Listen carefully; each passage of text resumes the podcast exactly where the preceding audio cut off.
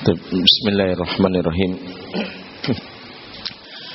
Assalamualaikum warahmatullahi wabarakatuh.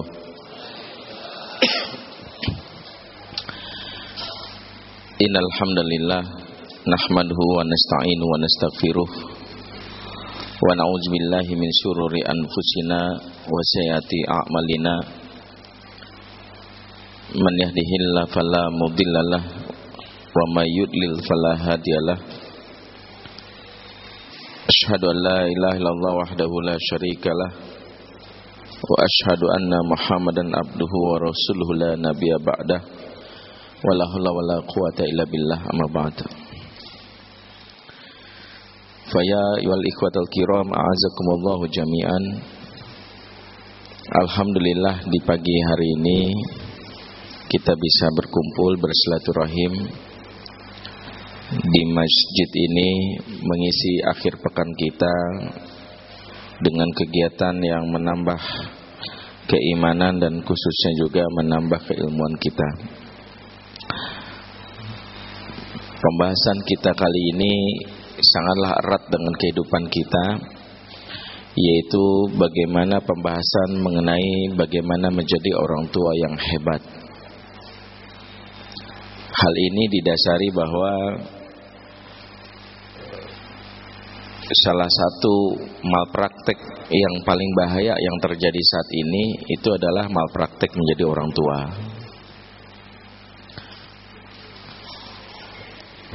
Kenapa disebut malpraktek? Karena sejatinya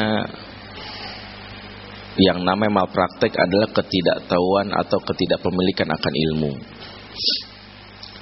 Tukang jamu iseng-iseng jadi dokter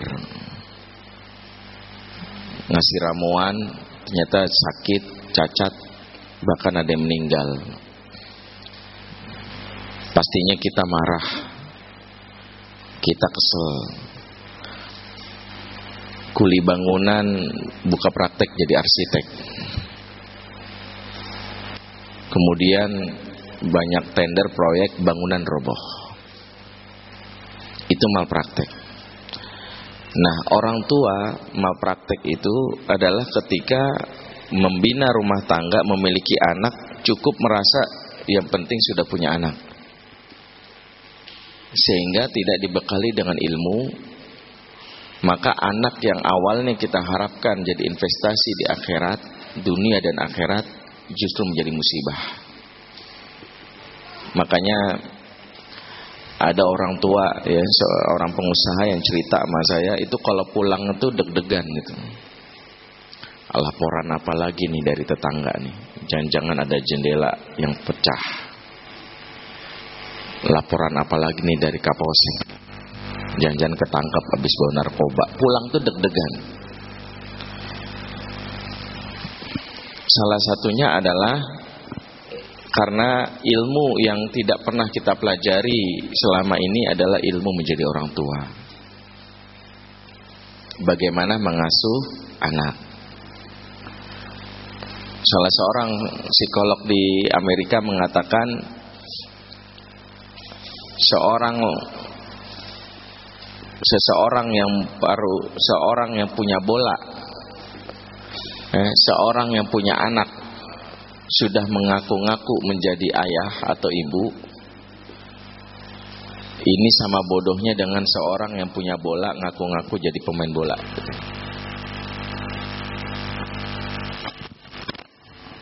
Jadi baru punya bola ngaku-ngaku jadi pemain bola. Maka punya anak itu bukan bisa bukan cukup dengan merasa gelar menjadi ayah dan ibu tapi bagaimana bisa memanage Mari kita belajar, tentu sama-sama belajar. Saya pun terus belajar. Dan di sini tentu banyak para ayah-ayah dan ibunda-bunda yang hebat ya. Yang sudah bertahun-tahun menjalani rumah tangga. Dan mudah-mudahan dari sini kita bisa sharing memberikan masukan untuk kita. Ikhwatal iman, Salah satu tugas orang tua adalah bagaimana masuk surga bersama yaitu melakukan kaderisasi iman. Maka orang tua yang gagal adalah orang tua yang hanya memperhatikan aspek fisik. Dia memberikan perhatian kepada anaknya dari sisi pertumbuhan tubuhnya. Multivitamin gak kira-kira. Ya, minyak ikan, ya, minyak jelantah semua dikasih. Semua minyak dikasih ke anak supaya tumbuh, tapi jiwanya kosong. Maka ketika di akhirat sejatinya kita nggak akan berkumpul. Kalau kita merindukan bersama-sama keluarga kita pertemuan bukan hanya di dunia, maka tidak ada kecuali tanggung jawabnya adalah kaderisasi iman. Sebab Allah katakan walladzina amanu wa tabathum dzurriyyatuhum biimanin alhaqna bihim dzurriyyatahum. Dan orang-orang yang beriman dan anak cucu mereka mengikuti mereka dalam keimanan kami hubungkan anak mereka, anak cucu mereka dengan mereka. Di mana? Yakni di surga. Mereka kelak akan dihubungkan. Sehingga pertemuan indah itu ada pertemuan di mana seorang ayah bunda bertemu dengan anak cucu mereka nanti di surga. Maka cita-cita tertinggi kepala keluarga adalah katakan kepada anak dan istri, aku akan membawamu ke surga. Ayah akan membawamu ke surga. Ketika anak protes, kenapa sih aku nggak boleh keluar malam-malam? Aku kan juga butuh kebebasan. Karena ayah pengen banget nak kita ngumpul lagi di surga. Ayah pengen kita bisa duduk bareng di surga nongkrong. Terus ngeliat pemandangan indah, pengen banget. Makanya ayah khawatir. Kalau begini terus, ayah khawatir kita terpisah. Itu visi keluarga membawa ke surga. Itulah kenapa Yakub alaihissalam dikisahkan dalam Al-Quran ketika berbicara di ujung kematiannya, di ujung dari kehidupannya. Pada saat beliau wafat, beliau mengevaluasi pengasuhannya dengan satu pertanyaan kepada anaknya. Jadi pertanyaan ini kalau sukses dijawab anaknya, maka bahagialah dia jadi orang tua. Dia nggak usah bertanya panjang-panjang, bertahun-tahun ngurus anak, dia nggak usah nanya panjang-panjang. Dia cuma nanya satu, mata budu namim ba'di. Kamu nyembah apa setelah bapak wafat? Ya. Kemudian anaknya mengatakan, "Qalu na'budu ilahak wa ila abaik." Kami menyembah Tuhanmu dan Tuhan kakek moyangmu. Sebagian mufasirin mengatakan ayat ini menarik. Kenapa? Karena anak-anak Yakub tidak menjawab na'budullah. Yang benar na'budullah, to the point na'budullah. Tapi demi menghargai jasa kakek, bapaknya sampai kakek moyangnya, maka ini menunjukkan buah dari pengasuhan. Kami menyembah Tuhanmu, jadi kalau Allah, e, bapak menyembah Allah, kami juga. Ini pengasuhan yang benar. Kakek moyangmu menyembah Allah, kami juga. Artinya itu buah dari pengasuhan. Betapa banyak orang tua ya yang anaknya justru dididik banyak oleh orang lain. Kami menyembah Allah sesuai dengan ajaran ustadz kami di ini. Ya beda sama saya. Kan gitu. Beda. Itulah kenapa saya bilang kalau mau investasi terbaik pada anak adalah investasi di akhirat adalah bagaimana anak kita benar-benar dididik oleh kita.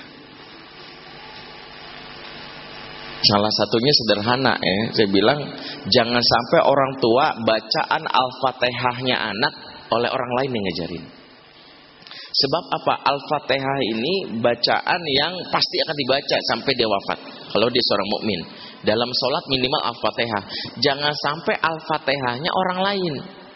Karena orang lain lah yang akan bertambah terus investasinya. Setiap anak ini tumbuh remaja baca sholat Bismillahirrahmanirrahim Alhamdulillahirrahmanirrahim Siapa yang ngajarin kamu? Itu guru saya yang ada di TPA ini Gurunya ngucur terus Sampai Al-Fatihahnya gurunya bukan bapak ibunya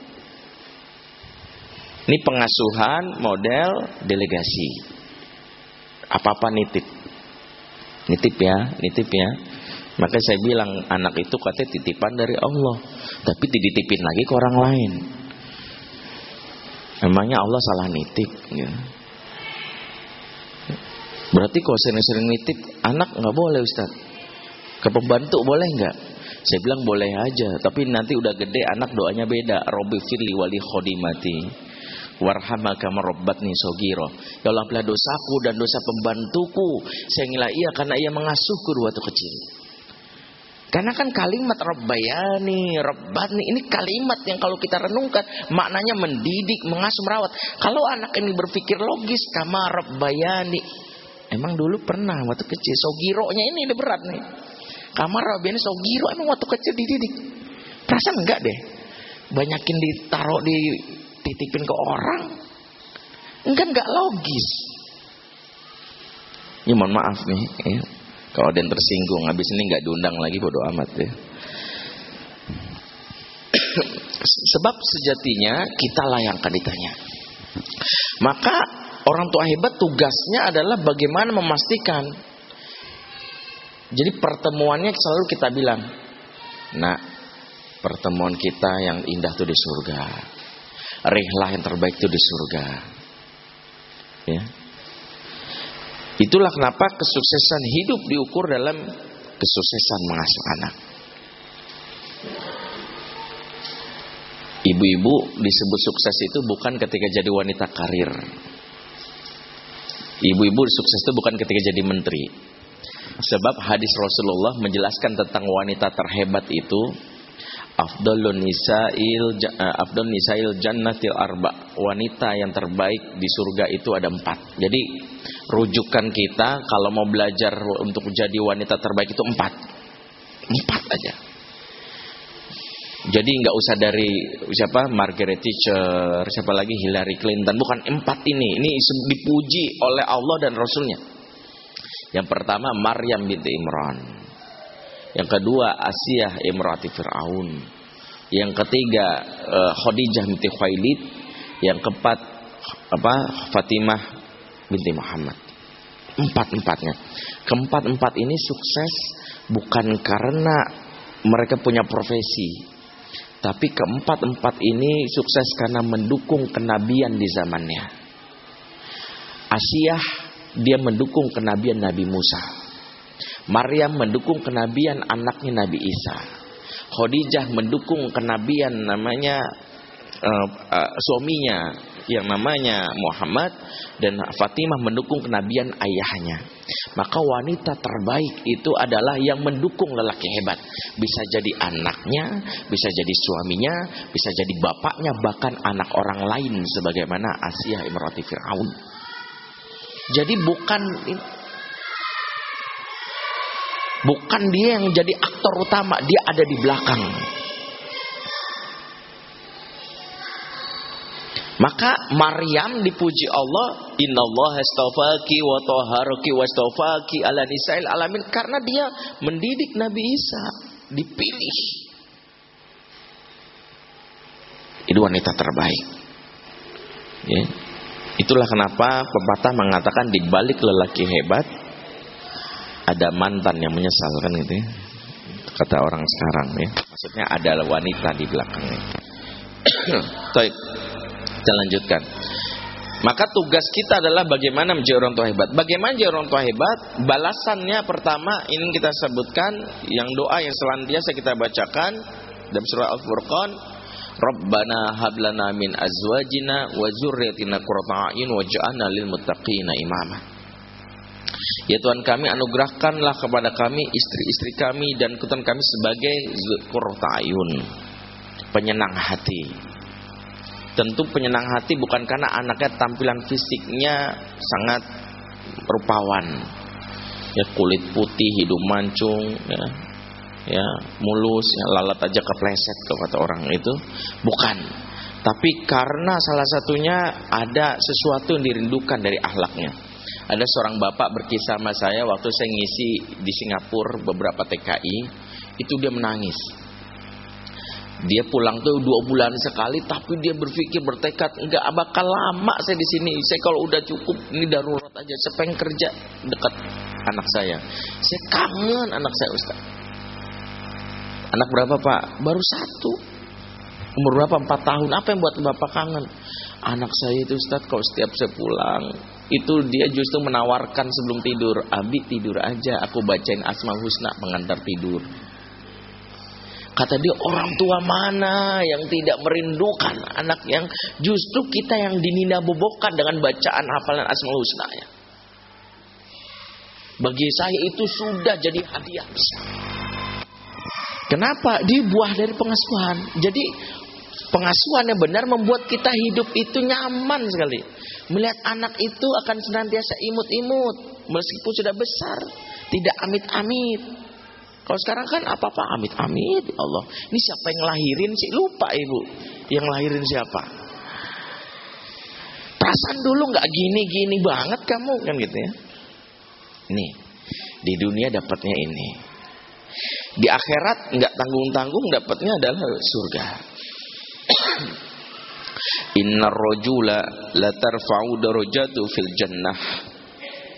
Fayaqul anna lihada fayuqal bistighfari waladukalak. Sesungguhnya ada seorang rojul, ya, rojul itu di sini maknanya laki-laki. Ini juga menjadi penegas bahwa sesungguhnya yang banyak disebutkan dalam Al-Quran tentang hubungan orang tua dan anak itu adalah bapak. Bapak. Makanya kisah-kisah pengasuhan dalam Al-Quran itu ayah dan anak. Ya Sarah binti Halil Amut-Tayiri Ad-Dakhili dalam tesisnya yang berjudul Hiwarul Aba Ma'al Abna fil Qur'anil Karim wa tatbiqatuhu tarbawiyah mencatat justru Quran memuat 17 dialog pengasuhan di mana 14 dialog itu bapak dengan anak. Dua dialog ibu dengan anak, satu dialog guru dengan murid. 14 dialog bapak dengan anak. Inspirasinya apa? Justru seharusnya bapak lebih sering dialog. Ya. Kalau sekarang kan bapak irit banget ngomong sama anak. Ya. Nanya anak cuman pas ibumu mana? Itu doang nanya anak itu. Nanya ibumu mana? Itu. Jarang ngobrol, maka anak sekarang itu kalau ditanya fungsi bapak cuma dua. Pertama memberi nafkah, kedua memberi izin untuk menikah. Bapak itu sekarang katanya fungsinya kayak mesin ATM gitu. Didatengin pas kehabisan uang belanja. Papa, teke-teke-teke uang dapat kabur. Ya, maka negeri kita dicap fatherless country, negeri tanpa ayah. Negeri tanpa bapak.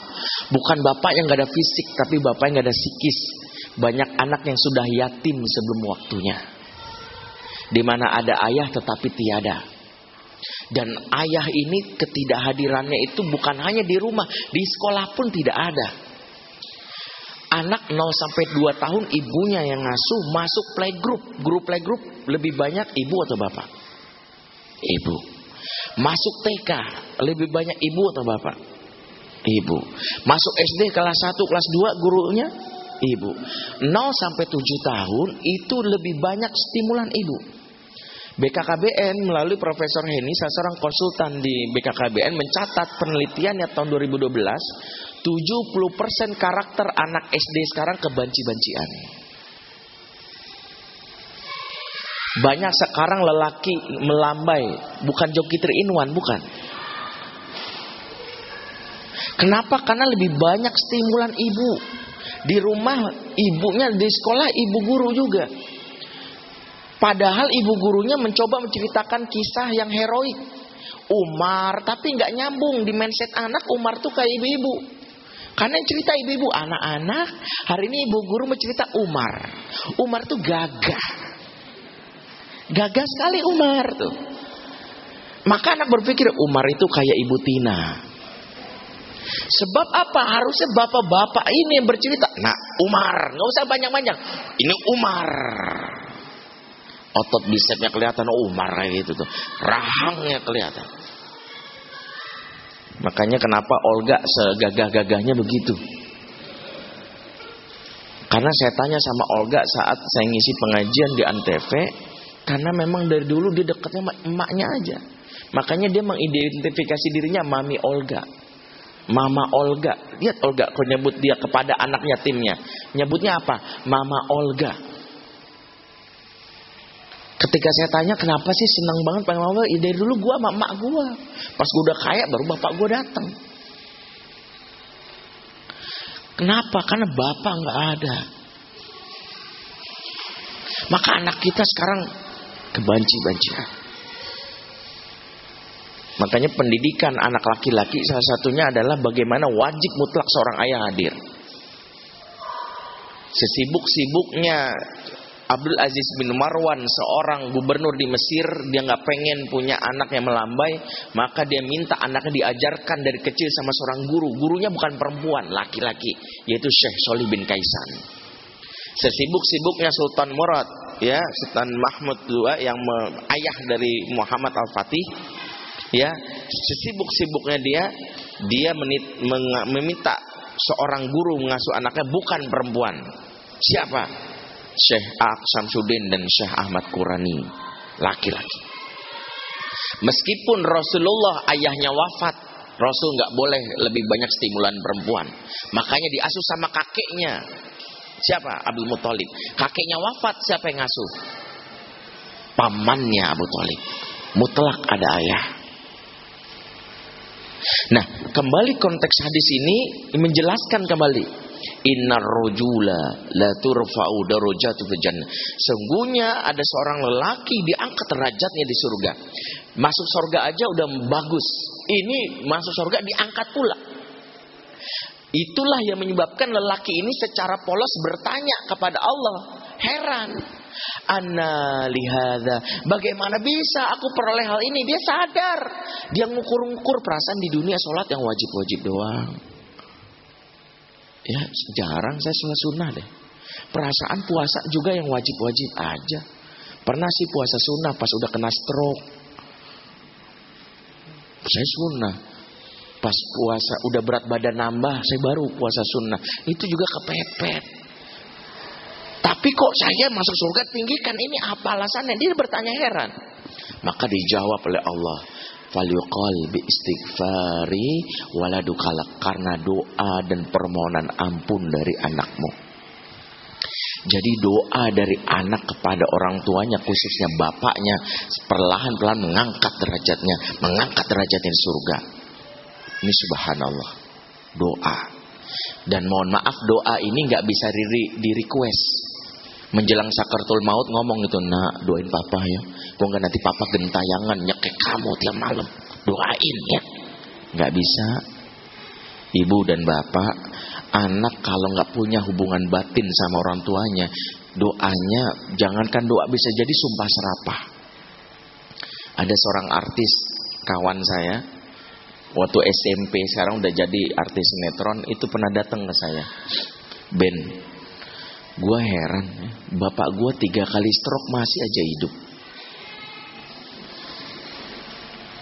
Kaget saya dengar itu. Iya, lu bayangin dong, gue capek bolak-balik rumah sakit, bolak-balik rumah sakit. Kapan game overnya? Kita nggak usah ragu untuk mengatakan nih anak durhaka, nggak usah ragu. Emang durhaka, tapi kok saya jadi bapaknya mikir, Kenapa bisa kematiannya dirindukan? Nggak ada bekas positifnya. Artinya evaluasi juga kalau ada anak durhaka sebagaimana kata Umar bin Khattab, jangan-jangan ada orang tua durhaka. Ketika di zaman Khalifah Umar bin Khattab dijelaskan dari kitab Tarbiyatul Aulatul Islam karena Syekh Abdullah Nasir Ulwan ada seorang anak yang diadukan bapaknya bandelnya nggak ketulungan. Ini ampun-ampunan deh, penjarain aja. Anak ini bilang, Khalifah ada nggak sih hak anak sama bapaknya? Ada. Minimal tiga kamu punya hak sama bapakmu. Pertama, kamu berhak dapatin ibu yang baik. Yang kedua, berhak mendapatkan nama yang baik. Yang ketiga, berhak mendapatkan pengajaran adab dan Quran. Anak ini protes tiga-tiganya nggak dilakukan bapak saya. Yang pertama, bapak saya menikahi wanita cantik, agamanya majusi. Itu menjadi ibu saya. Dalam riwayat lain, seorang budak agamanya rusak. Yang kedua, saya dikasih nama yang jelek. Nama saya Jual, artinya lelaki hitam pendek. Ya. Dalam riwayat lain tuh ju'lan, maknanya kecoa. Ya, memang tradisi Arab jahiliyah kalau ngasih nama itu berdasarkan kejadian. Jadi kalau lagi perang ngasih nama Al-Harbi. Ya, lewat anjing kasih nama Kalbi. Ya. ya, makanya ada salah seorang dosen saya itu belakang gelarnya Al-Kalbi gitu dari Saudi. Dia nggak bisa nolak karena memang nasabnya itu ke situ. Mau diapain? Kan lucu kita Al-Kalbi bukannya anjing. Ya memang begitu. Karena berdasar kejadian. Jadi kalau di kita masih ngasih nama berdasarkan kejadian, ya, nggak maknanya nggak diketahui, apalagi membuat anak malu, ya, itu zolim. Ngasih nama yang penting kan Arab Ustaz. Namanya Vina, nama panjangnya Vina Rijahan nama Khalidina fiha. Kan parah. Ya. Jadi jangan sembarangan ini. Kayak ada seorang teman saya ya, waktu saya kuliah di FISIP ada seorang akhwat maaf gitu, namanya Zurni Laila. Saya malu namanya Zurni Laila. Kenapa? Itu artinya kunjungi aku malam-malam. Saya bilang Afwan Ukti emang nggak bisa nama dia nggak tahu artinya itu Zurni itu kunjungi aku Zurni lagi Ni itu aku Laila malam-malam ngapain coba ngunjungin malam-malam? Itu kan undangan macem-macem saya bilang. Saya nggak tahu dari mana itu. Jujur aja saya langsung bilang ganti. Akhirnya kita kasih nama semua sepakat manggilnya Fatima. Ini. Kita manggil aja Fatima. Atau kita nggak pakai zurninya Laila aja. Karena ada zurninya ini yang berat.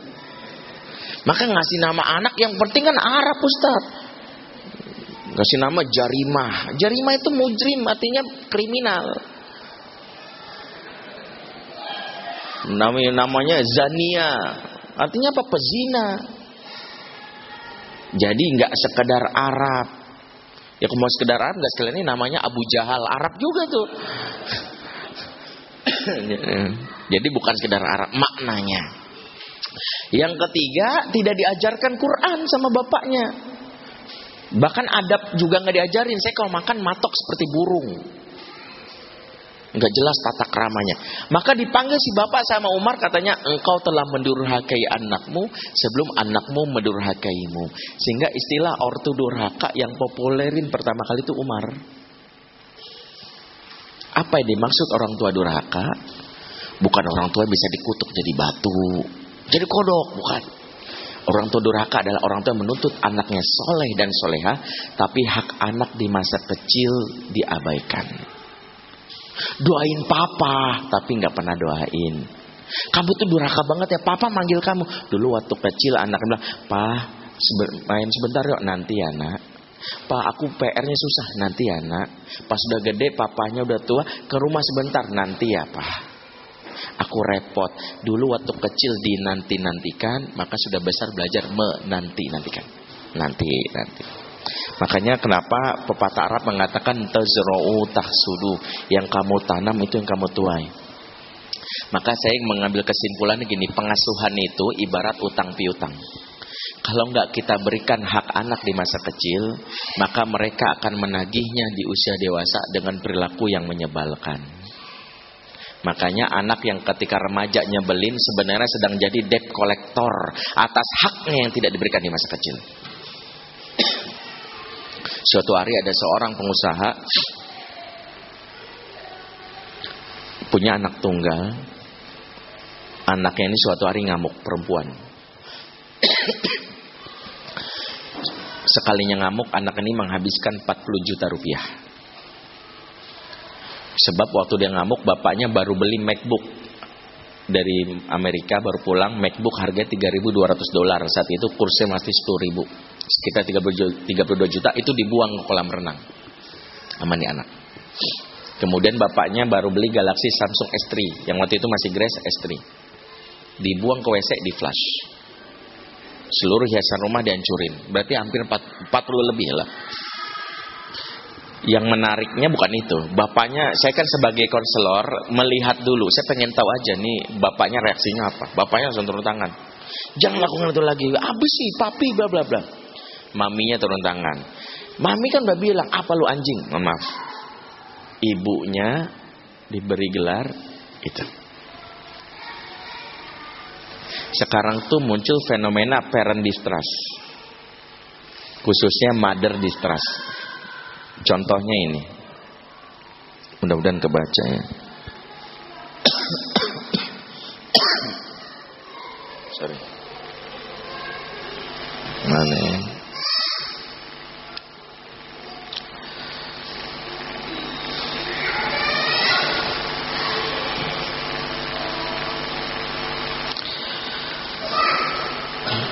Jadi kalau kita rajin aktif di Twitter atau Facebook, sekarang tuh banyak muncul fenomena anak-anak mencaci maki ortunya di sosial media. Ya, mudah-mudahan kita nggak termasuk yang dapat ini. Nauzubillah ya. Ini contohnya kebaca nggak ini? Waduh nggak kebaca ya. Kebaca nggak? Saya bacain nggak enak. Kebaca nggak? Antum bacain deh. Bacanya nih, maaf nih ya. Anjing, kalau bukan orang tua gue udah, udah gue ungkit semuanya nih. Bangsat amat punya mulut nggak dijaga jadi mama. Gak setiap ada lo gue pasti emosi. Ini satu. Saya mencatat ada ribuan tweet model kayak gini. Tuh kan sama ayah boleh, sama mama nggak boleh, bangsat koma.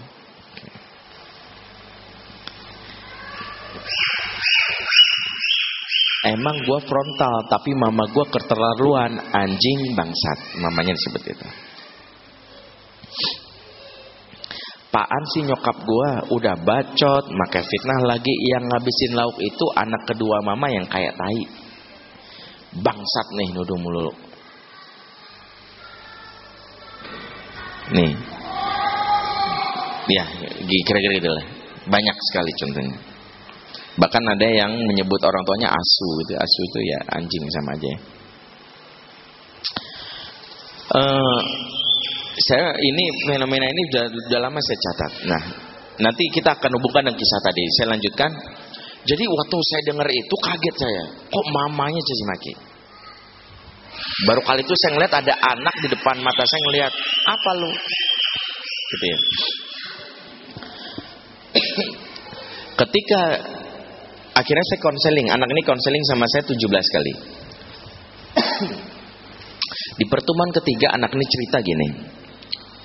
Om, aku tuh ingat mbokku pernah cerita dia punya pembantu pengasuh dari kecil sampai dia remaja. Waktu aku umur satu tahun, mamaku dapat beasiswa ke Swiss. Mamanya kebetulan eh, GM di sebuah perusahaan swasta dari luar. Mama dapat beasiswa ke Swiss. Mbok bilang gini, mamamu hebat loh. Udah ada waktu mengambil kamu aja tetap berprestasi. Dapat dapat beasiswa ke Swiss. Tapi mamamu tuh bingung, kamu kan masih disusui itu. Ya. Tapi beasiswa ini kalau nggak diambil sayang hilang. Makanya mama berpikir ambil deh. Tapi kan kamu disusui. Ya, akhirnya mama berpikir dulu belum ada populer seperti gerakan ASI stok di botol itu belum ada. Mama lah yang kepikiran nyetok ASI aja di botol, botol yang ada di freezer. Makanya mama bolak-balik dari Swiss dua bulan sekali, tiga bulan sekali untuk nyetok ASI dari botol. Jadi om dari umur 1 sampai 2 tahun aku tuh minum ASI dari botol. Emangnya gua anak botolan. Saya ingin garis bawahi kalimat ini supaya para ibu memahami yang benar. Jangan tersinggung bagi yang menyetok ASI di botol karena bukan itu intinya. Sebab begini, banyak ibu yang salah paham memahami konsep ASI. Kan berpikirnya kan udah mama kasih air susunya. Apa yang kurang? Ibu lupa bahwa dalam Islam ASI itu bukan sekedar air susu tapi terkait dengan belayan dan sentuhan. Makanya Ibnu Qayyim dalam kitab Tufah di bab 16 mengatakan begini, jika ASI seorang ibu berhenti sebelum anaknya 2 tahun, Misalnya ibu hamil lagi, kan kaidah fikihnya mengatakan kalau ibu hamil lagi itu haknya bayi dalam janin, jadi nggak boleh disusui. Berarti berhentikan. Atau ibu kering susunya, maka kata Ibnu Qayyim hak anak untuk bermain dengan puting ibu tidak boleh dilarang. Sebab ini fase yang disebut emotional bonding, ikatan batin Di mana kalau sukses 0 sampai 2 tahun, dia sering dibelai sentuh, nanti dari remaja kau nangis, mama, tadi tidak ada ini, nah, gitu nyaman. Kalau sekarang apa loh? Curhatnya sama teman, bahkan menyakiti ibunya nggak merasa bersalah. Anak yang dekat sama ibunya, ibunya merengut dikit, jangan-jangan mama marah. Mama maafin aku. Itulah anak yang kuat 0 sampai 2 tahunnya yaitu disebut dengan fase emotional bonding. Tapi faktor pertama bukan itu doang. Jadi penyebab parent distrust itu saya catat ada dua berdasarkan pengalaman saya jadi konselor dari tahun 2000. Faktor pertama adalah itu. Tapi faktor kedua adalah role split. Split itu peran yang tertukar. Jadi bukan hanya putri yang tertukar, tapi peran tertukar. Apa peran yang tertukar? Yaitu peran terbalik antara bapak dan ibu. Peran sejatinya ibu adalah al-wadud, ya, maknanya memberikan kasih sayang. Sementara peran ayah sejatinya adalah takwimun nizam dekata kawam, yaitu menegakkan aturan. Kalau sekarang kebalik, yang memberikan aturan tuh ibu. Eh nggak boleh ini, nggak boleh ini ya, nggak boleh. Mama udah bilang jangan ini, jangan ini. Giliran bapak boleh. Udah mah sabar kita. Kebalik Mohon maaf gara-gara kebalik inilah anak akhirnya malas pulang karena ibu yang sering di rumah membuat suasana rumah tidak nyaman karena eh nggak boleh nggak boleh, boleh. Perhatikan orang tua dahulu, bapaknya galak, nggak boleh. Ayah nggak izinkan kamu. Dia nangis, mama sabar ya dong. Bapakmu ya emang begitu, sabar. Sini mama peluk. Ketika bapaknya tegas, ada yang meluk dia ibunya. Sekarang dia ributnya sama ibunya, meluknya sama siapa? sama bantal guling. Maka saya bilang, mohon maaf, ibu-ibu yang curhat sama saya, perbaiki dulu. Bukan saya nggak salahkan ibu. Ibu ngomong sama suami, aku jadi dimusuhin gara-gara peraturan di rumah ini nggak tegak. Mama, papa membiarkan saja anak keluar malam. Tahu nggak sekarang banyak cabe-cabean, cowok terong-terongan. Kalau bencong terong dicabein, papa nggak tahu. Habis cabe-cabean ntar anak kita jadi jamur, janda di bawah umur. Kalau nggak jamur jadi jagung bakar, jabile tanggung baru mekar. Papa mau. Makanya jangan aku yang larang dia, papa. Papa sebagai kowam. Makna kowam termin. Karena sekarang papanya kompensasi karena jarang ketemu apa-apa. Boleh ya, udah boleh aja. Jadi anak berpikir sama papa asik, mama rewel. Sehingga anak lagi sedih karena mama sering di rumah. Males ah, Papa jarang nggak ada mama, ntar dinasihatin lagi. Mendingan jadi di luar, betahlah dia di luar. Saya inilah sistem masyarakat sekarang yang salah satunya karena kebalik. Ini saya bilang penyebab pertama dua di masa kecilnya rusak, di masa e, dewasanya kebalik peran ini. Jadi bapak kalau tidak ingin anaknya dimusuhi, eh, ibu istrinya dimusuhi oleh anaknya, bapak lah yang mengatakan, nak maaf, nonton TV dua jam, kalau papa dengar dari mamamu itu, papa akan cabut siaran kabel TV-nya. Tapi kan paku, enggak udah. Ini contohnya nggak usah dir, maksud saya ini menunjukkan ketegasan dari bapak. Tapi teknisnya nggak begitu juga. Teknisnya memang ada komunikasi. Maka dalam Quran disebutkan walyasalladzina law taraku min khalfihim dzurriyyatan ya'afan khafu alaihim falyattaqullah wal yaqulu qawlan sadida. Perbaikan kualitas anak sekarang itu perbaikan komunikasi. Ya, tapi saya ingin menunjukkan bapak lah yang sejatinya mengatakan enggak. Di rumah ini anak perempuan wajib ada di rumah maksimal jam 7. Bapak nggak izinkan kamu keluar malam-malam, apalagi sama orang yang nggak jelas. Tapi kan apa kau gitu tuh? Mama, papa kayak gitu nih. Mamanya lah sebenarnya mamanya setuju. Sebenarnya kan itu peraturan dari mamanya. Bang gitu. Iya no, sabar ya. Ya habis gimana lagi? Mungkin papamu khawatir. Jadi ada tempat untuk memeluk. Sekarang udah nggak ada. Jadi saya setiap Senin dan Kamis itu buka konsultasi gratis di Akal Islamic Center di Tebet. Di tempatnya Ustadz Baktiar Nasir. Karena saya dan Ustadz Baktiar sekarang sudah membuat majelis ayah. Insya Allah bulan Desember majelis ayah setiap pekan ketiga. Yang malam ahad khusus para ayah kita haramkan ibu-ibu hadir. Mohon maaf, ini pembicaraan khusus lelaki. Ibu nggak usah denger. Kalau mau live streamingnya silakan. Ya, tapi nggak boleh hadir. Saya udah bilang pokoknya komitmen para ayah sendirian. Ya, kau bawa anak boleh, bawa anak promo tapi nggak bawa istrinya. Istrinya kalau mau tuh 100 meter relokasi. Kan kebetulan ada pizza hut tuh nongkrongnya di situ. nggak boleh deh produk Amerika, jangan. Oke. Intinya adalah itu. Yang ini saya bahas ini dari pengalaman. Jadi makanya ibu-ibu ya kalau ngeliat anaknya kok ada benturan sebagainya, saya nggak salahin ibu. Karena saya sadar ibu-ibu sering ikut seminar pengasuhan jadi banyak khawatir. Makanya bikin aturan, papanya cuek aja.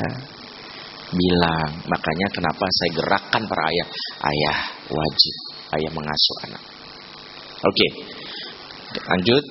Karena itu jangan sampai ini jadi.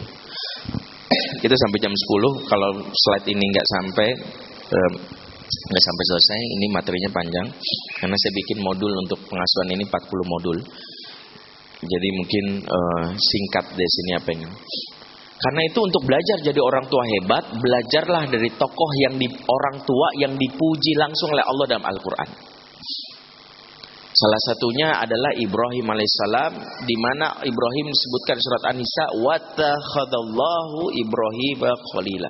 Kami jadikan Ibrahim sebagai khalil. Khalil itu lebih tinggi daripada Habib. Ya. Khalil itu kekasihnya. Kasih Allah Khalil makanya spesial khusus.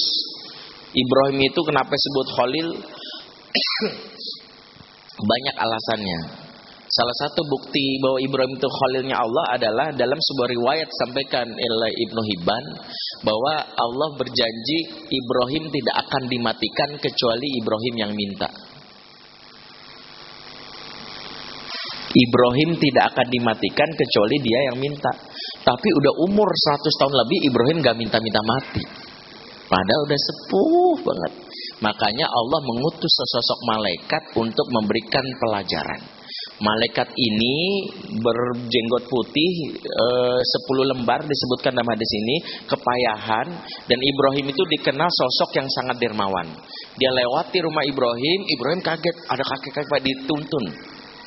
Kemudian dibawa ke rumahnya dikasih minum.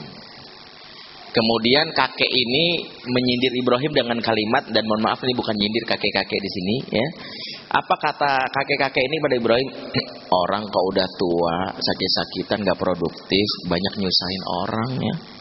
Itulah kenapa ada sunnahnya kematian, biar keturunan kita bisa produktif dalam amalnya.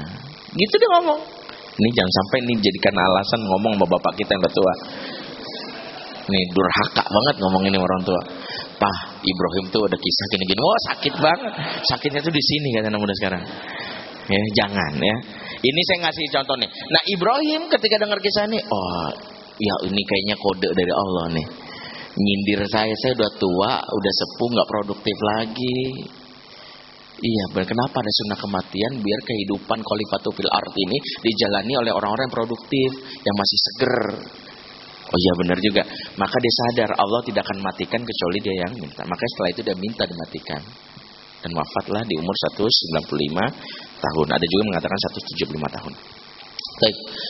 Berikutnya di ayat Al-Imran 33, "Innallaha astafa Adama wa Nuha wa ala Ibrahima wa ala Imrana ala alamin." Ini ayat ini ini salah satu sumber pertama kita mendidik anak dalam Al-Qur'an. Karena dari ayat ini itu kita bisa mengkaji beberapa hal, banyak sekali. Ya, saya kalau tafsir dari ayat ini saja, kalau kita jelaskan beberapa kitab tafsir itu panjang. Tapi saya melihat dari sisi tadaburnya di sisi pengasuhan. Apa? Contohnya gini. Allah memuji Adam dan Nuh. Khusus Adam dan Nuh tidak dipuji sebagai keluarga terbaik. Tidak ada keluarga di sini. Bacanya Adam dan Nuh. Allah hanya memuji ala Ibrahim wa ala Imron. Artinya Adam dan Nuh dari sisi keluarga bisa jadi gagal. Kenapa gagal? Adam punya istri solehah Hawa, tapi anaknya pembunuh. Siapa nama anaknya? Qabil. Dia pembunuh pertama di dunia ini di mana seluruh dosa pembunuhan hingga akhir zaman ditanggung oleh Qabil tanpa mengurangi dosa pembunuh itu sendiri. Itu dosa. Itulah kenapa uh, balasan yang berat bagi pelopor pertama kemaksiatan atau keburukan. Sunnatus sayyah itu adalah menanggung dosa pengikutnya. Nauzubillah jangan sampai kita mau pelopori pertama kali keburukan kalau ada yang ngikutin ditanggung. Ya, yang pertama kali mau pelopori goyang seronok itu nauzubillah. Dia nanggung dosanya. Makanya saya bercanda sama teman saya gitu. Kalau mau nerobos busway jangan yang pertama. Ya. Menerobos busway pak lihat oh, ada orang lain. Jadi ngekor aja. Karena yang pertama kalau di belakang 500 motor waduh berat nih. Makanya polisi kesel banget yang pertama. Kok saya pak yang belakang kamu tuh yang pertama gitu. Yang pertama belakang tuh ikut-ikutan kamu. Emang resikonya yang pertama itu begitu? Berat banget pak maka saya selalu bilang ya Allah kok kepepet banget kepepet banget. Mau ngejar-ngejar minimal ada duluan kayak nyusul gitu. Jangan yang pertama pak. Pertama berat. Oke. Okay. Adam tapi Adam dipuji Allah. Di sini dipuji sebagai inallah ada dipilih oleh Allah Adam ini. Artinya anaknya itu gagal diurus jadi pembunuh karena memang hidayah nggak sampai. Tapi Adam punya jiwa menjadi orang tua yang baik. Apa jiwa Adam yang dipuji Allah? Adam tuh orang tua yang iktiraf, cepat mengakui kesalahan. Makanya salah satu doa yang populer oleh Adam itu adalah Rabbana zolamna anfusana wa illam taghfir lana watarhamna lanakunana minal khasirin. Doa ini diucapkan Adam mengakui kesalahannya gara-gara dia melanggar larangan Allah. Padahal dia keluar dari surga gara-gara siapa? Iblis.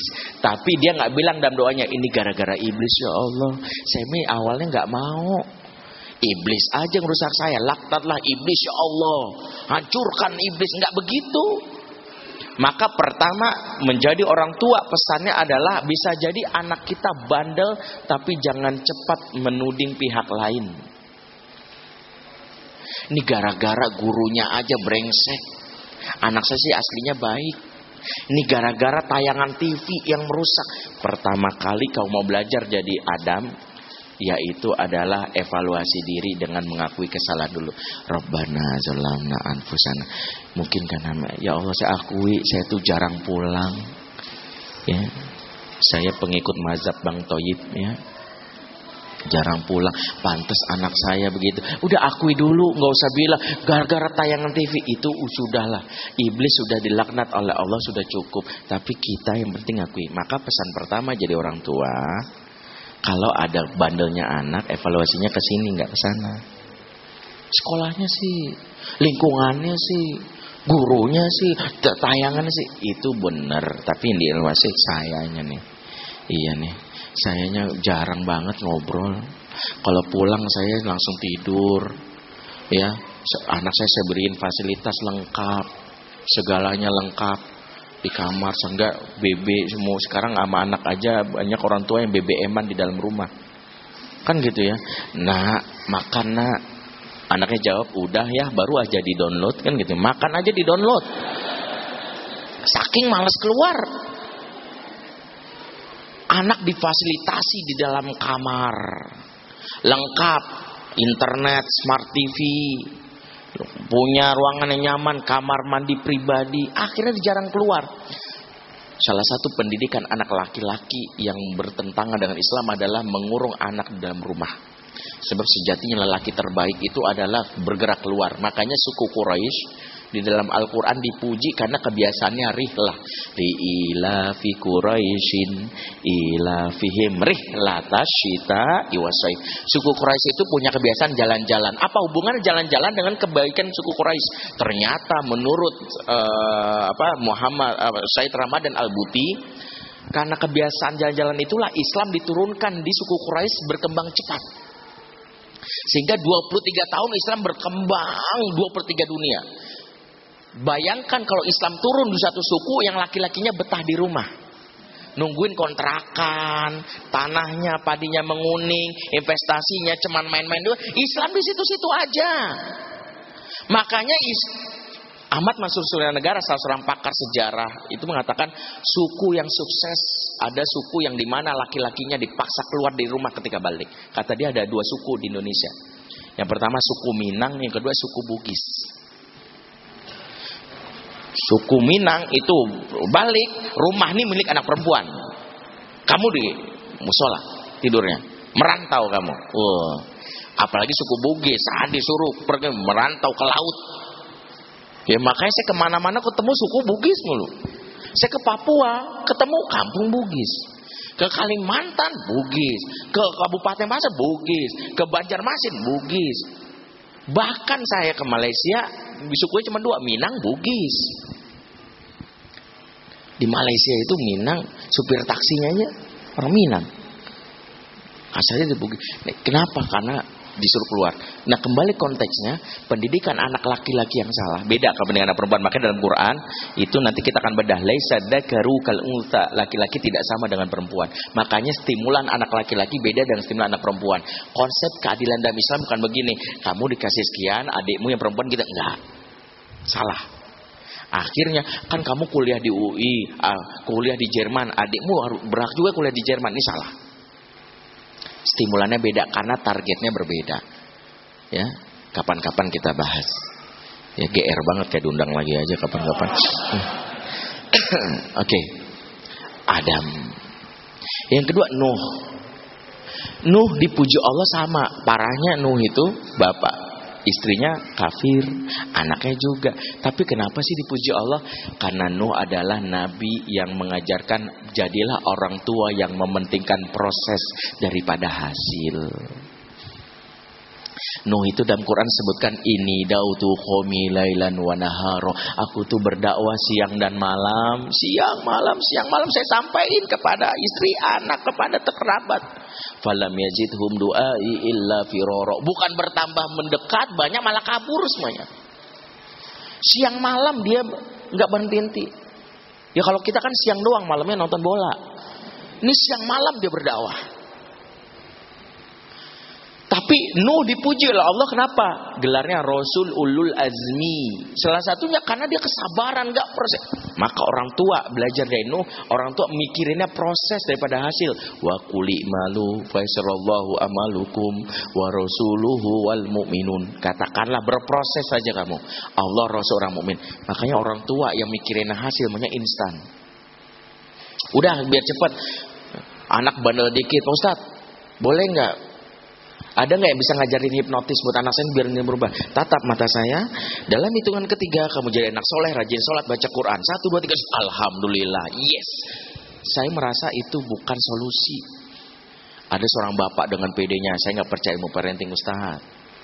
Yang penting anak saya sekarang bisa sholat. Alhamdulillah hafiz Quran. Gimana caranya? Saya gamparin terus tiap hari. Pak, pak, pak, pak, pak. Awas nggak sholat.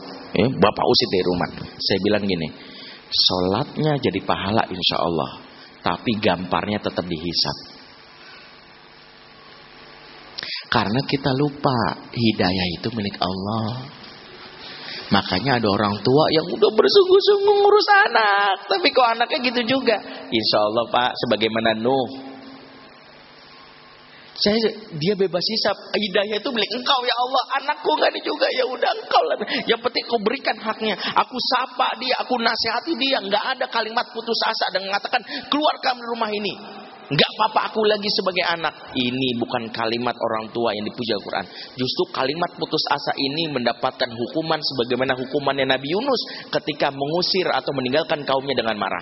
Wadhanun idzahaba mughadiban fazonna allan naqdiru alaihi fanada fi zulumati alla ilaha illa anta subhanaka ini kuntu minaz zalimin. Ingatlah kalian kisah Zunnun Nabi Yunus yang ninggalin kaumnya dengan marah. Tell me nih kaum saya nggak perspektif.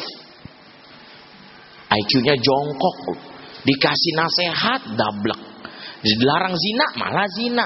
Ini kaum yang nggak deng bener. Mendingan saya cari kaum lain yang kira-kira bisa terima dakwah saya.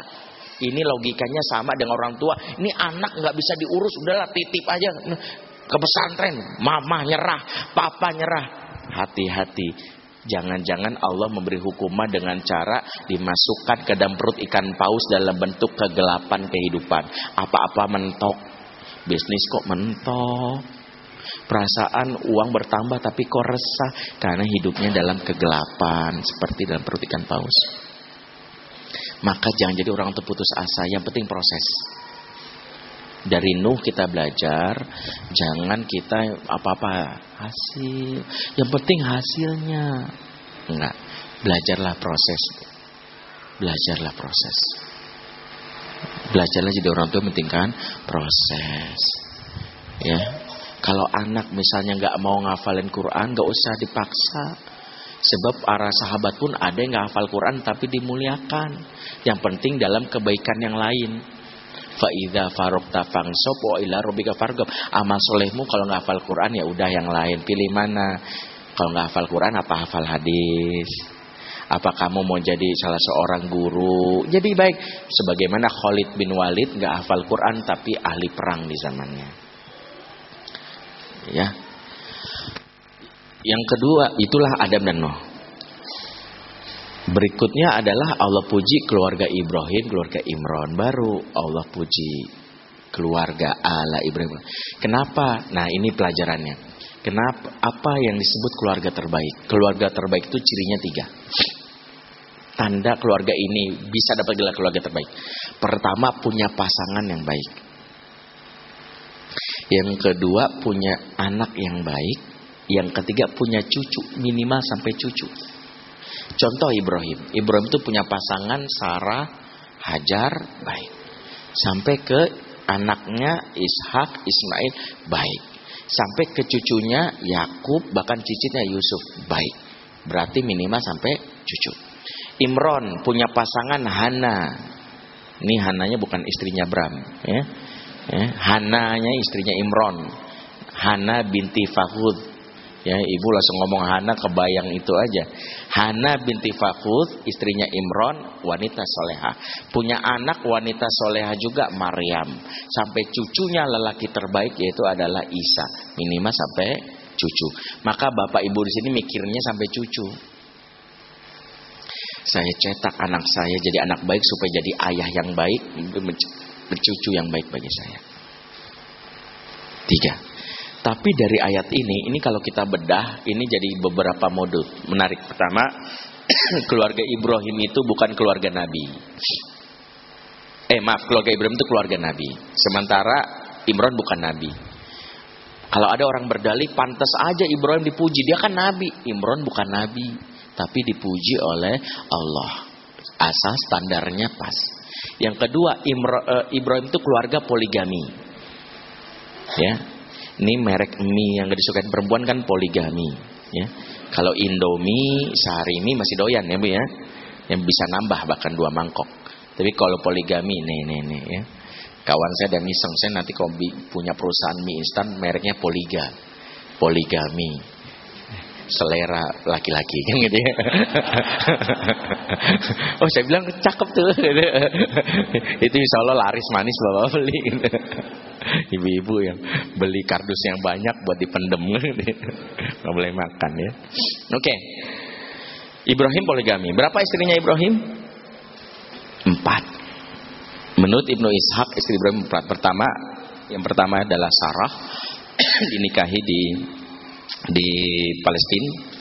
Ya, Ibrahim itu asalnya dari Babilonia, kemudian di Irak, kemudian di Palestina. Kemudian yang kedua Hajar Mesir, berikutnya Konturo dari negeri Madian, yang berikutnya Hajun binti Amin dari Yaman.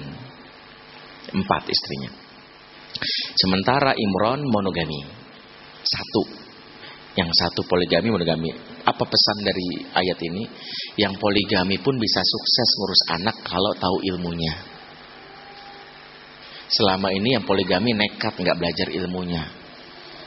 Sehingga akhirnya rumah tangga rusak karena berpikir yang penting saya jalan ke sunnah rasul sunnah kok nggak ada ilmunya malah nggak ada manajemennya rusak.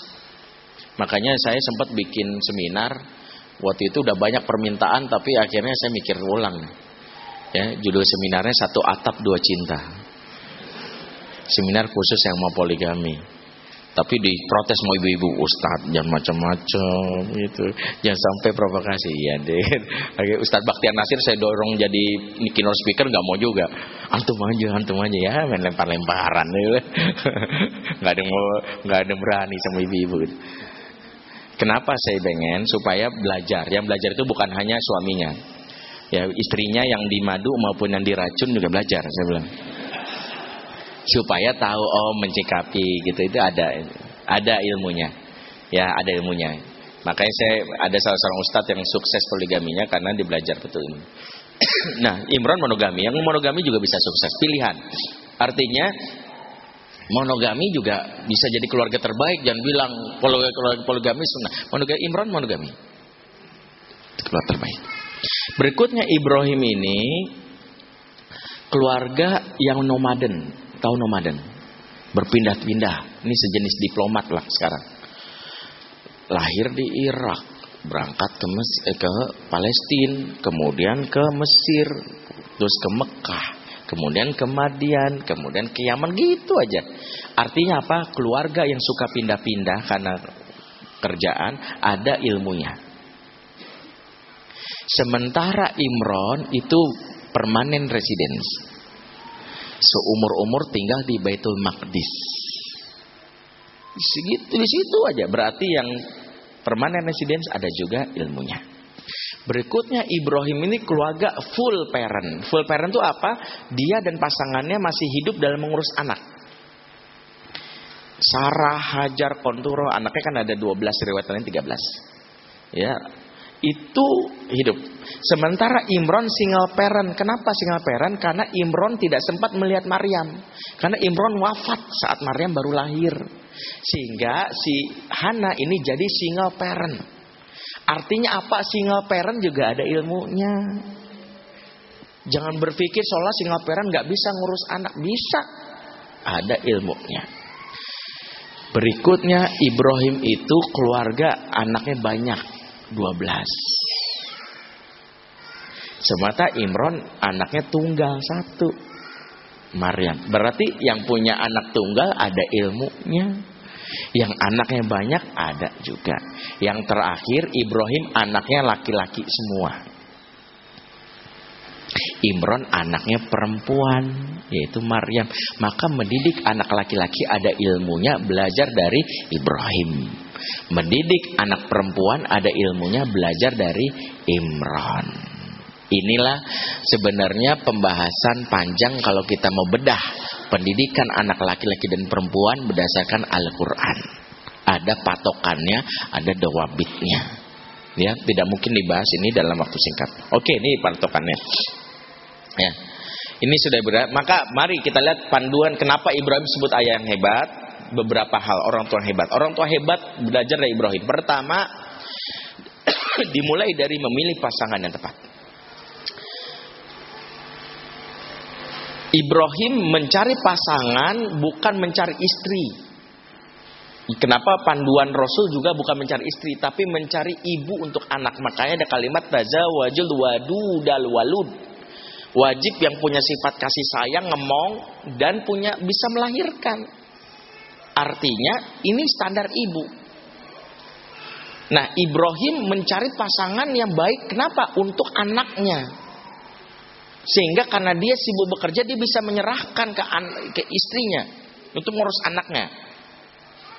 Karena pepatahnya kan al ummu madrasatul ula wal abu mudiruha. Ibu madrasah pertama seorang anak dan bapak kepala sekolahnya.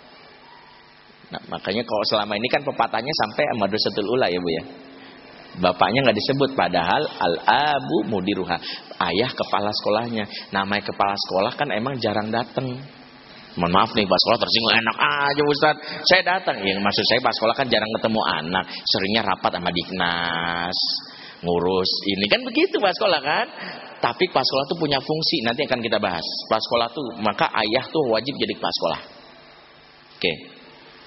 Berapa menit lagi? Enggak, ya. saya di Bogor ngisi jam setengah satu. Oke. Maka pilihlah ibu mencari ibu atau ayah untuk pasangan. Jadi bukan cari istri. Makanya Abul Aswad Adwali dan kita mau suatu tarbiyatul Islam karangan uh, apa Ustazah Hidayatullah Ahmad beliau mengatakan bahwa dalam, dalam sebuah uh, dituliskan bahwa dia itu nikahnya lama. Jadi anak dia tuh pernah anaknya bandel dibilang gini, "Nah, tolong penuhi hak ayah." Karena ayah telah penuhi hak kamu bahkan sebelum kamu lahir. Tolong taat sama ayah karena ayah telah penuhi hak kamu sebelum kamu lahir. Anak ini bilang, emang ayah pernah penuhi hak saya sebelum saya lahir? Saya bingung. Nak tahu nggak ayah menikah umurnya lama 42 tahun. Kenapa ayah menikah umur 42 tahun? Bukan nggak laku. Hmm. Kalau mau mah banyak yang ngantri kira-kira gitu. Ayah menikah karena lama karena ayah sibuk bertahun-tahun mencari wanita yang pantas menjadi ibu kamu. Jadi nyari ibu ada yang belum nikah Bukan nikah lagi, belum nikah. Bukan belum nikah lagi. Ini udah nikah semua. Ya belum nikah itu saya sarankan kalau ngelamar itu jangan maukah kamu jadi istriku itu standar. Tapi ngomongnya maukah telapak kakimu menjadi surga untuk anak-anakku nanti. Pak, udah Pak, udah cukup Pak. Udah nggak bisa praktekin lagi, udah, udah cukup. Ini jangan bikin perkara abis ini Pak. Itu buat yang belum nikah saya ajarin. Jadi Bapak udah cukup, Bapak udah. Yaudah ya, tahu gitu mah Ustadz deh kemarin mah ada awal-awal gitu ya.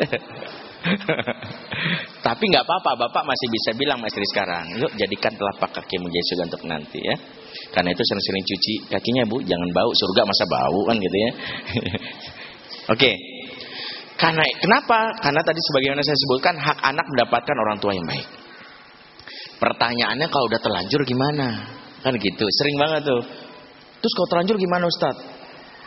Pak perlu saya bikin yang baru, buka cabang kayak Alfamart kan gitu ya. Ada di mana-mana, bukan gitu. Saya kalau kan boleh rumah tangga punya cabang. Saya bilang kalau mau buka cabang prinsipnya kayak bisnis juga. Bisnis itu buka cabang kalau sukses. Kalau sekarang orang tua gagal, oh, suami gagal pertama, bikin cabang kedua itu nggak bener. Kalau mau suksesin dulu baru ini kan sukses nih mah kita nih, baru yang kedua gitu. Ibu udah kesel aja kan gitu ya. Oke. Kalau udah terlanjur, maka fokuslah terhadap perbaikan sesama pasangan, gak usah ke anak dulu. Jadi kadang ada orang tua anaknya bandel yang fokusnya ke anak pada lupa udah lama nih perang dingin sama pasangan. Dampaknya ke anak, anak tuh bisa baca bahasa tubuh orang tuanya. Suatu hari saya diundang ngisi kajian lintas agama menjelaskan tentang toleransi dalam kitab suci masing-masing. Ya, yang ngundang Ikatan Hindu Dharma Indonesia di UI. Saya mewakili Islam, ada lagi pendeta Romo Katolik, eh, Hindu dan sebagainya. Selesai kajian, saya menjelaskan dari kitab suci Al-Quran. Kemudian pendeta yang umurnya 50 tahun ini deketin saya, dia asal Medan. Pak Benri ini pekerjaannya apa? Ya saya bilang saya mau balik. Iya saya tahu kita semua sini pemuka agama. Ya mau balik Ustadz kan kita juga pemuka. Maksud saya di luar itu adakah aktivitas lain? Saya bilang saya konselor anak dan keluarga. Oh sering nangani anak remaja? Ya alhamdulillah saya bilang. Kalau gitu pas banget kata pendeta ini. Boleh nggak saya konsultasi? Saya psikolog. Loh, psikolog kok konsultasi sama saya? Saya psikologi industri kan gitu. Pantas aja kan gitu ya. Oke, okay. tukeranlah nomor handphone. Berpisahlah dalam masalah itu. Saya lupa dua bulan tiga bulan itu saya ngisi seminar di Bali. Baru landing, bapak ini nelpon persis banget dia nggak tahu tahu aja kalau saya baru landing baru nyalain handphone. Pak Benri, saya si Right dari Medan, Bernard si Right dari Medan.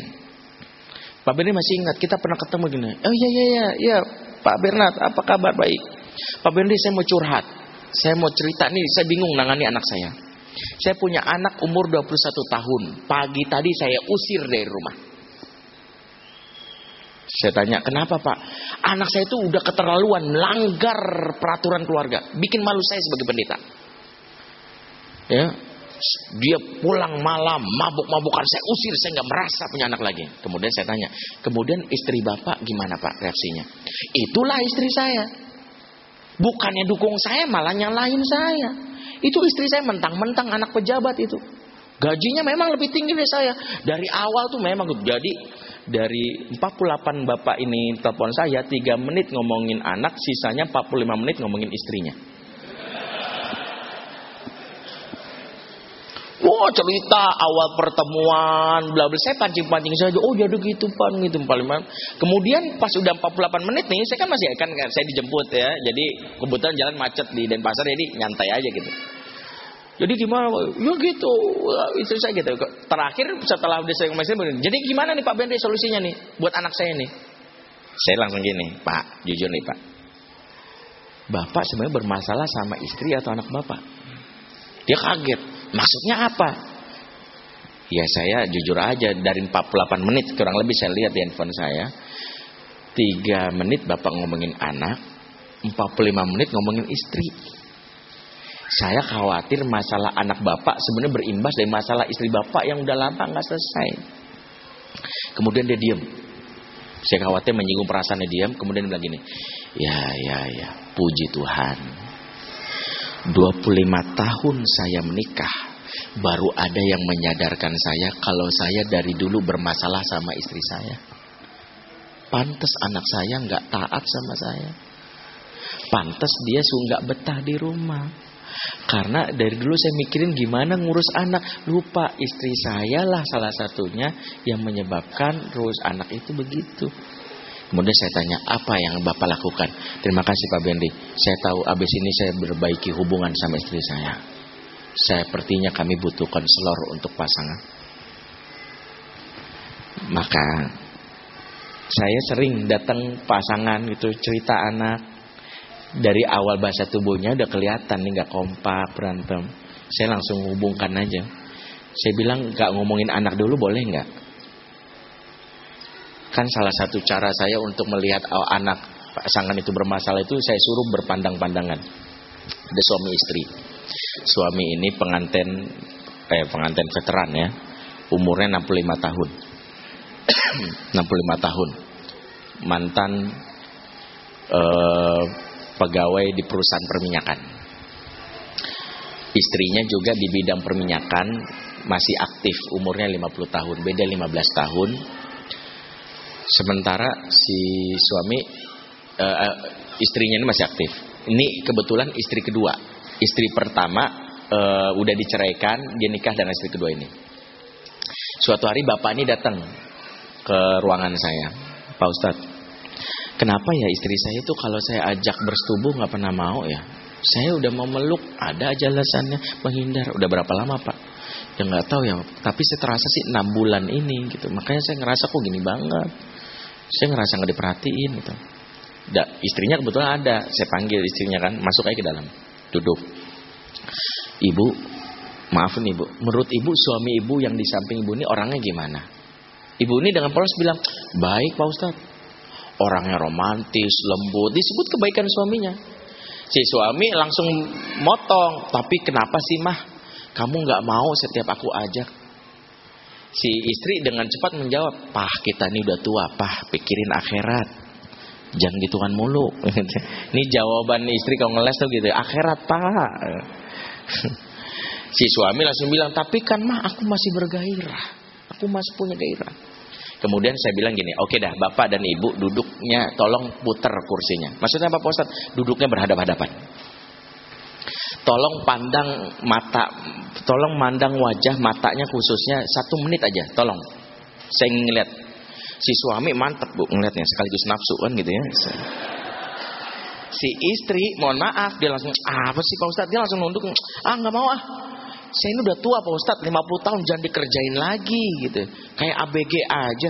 Enggak bu saya pengen ibu mandang enggak mau apaan sih kayak ABG kita kayak bawa kayak film-film India gitu kan dia bilang enggak bu satu 30 detik ke 30 detik enggak mau akhirnya saya bilang eh, eh bapak boleh keluar sebentar oke saya bilang Ibu berapa tahun ibu menanggung kecewa sama suami? Sumpah Pak Ustadz sampai bilang gitu. Nggak ada nih cuma masalah udah tua biasa hormon gitu. Saya gebrak meja. Ibu, ibu bawa masalah ibu selesai hari ini atau ibu tanggung kecewa seumur hidup? Saya nggak tanggung lagi deh setelah ini. Mata ibu nggak bisa bohong. Akhirnya baru udah diam nangis. Tiga tahun dia menanggung kecewa, mencurigai suaminya kembali ke istri pertama dengan dalih untuk alasan anaknya. Nangis. Makanya saya ingin katakan pada suami, kalau istri, ini rumusnya, jika tidur sudah berbalas punggung, mata tidak berani menatap mesra, tanda ada hati yang terluka.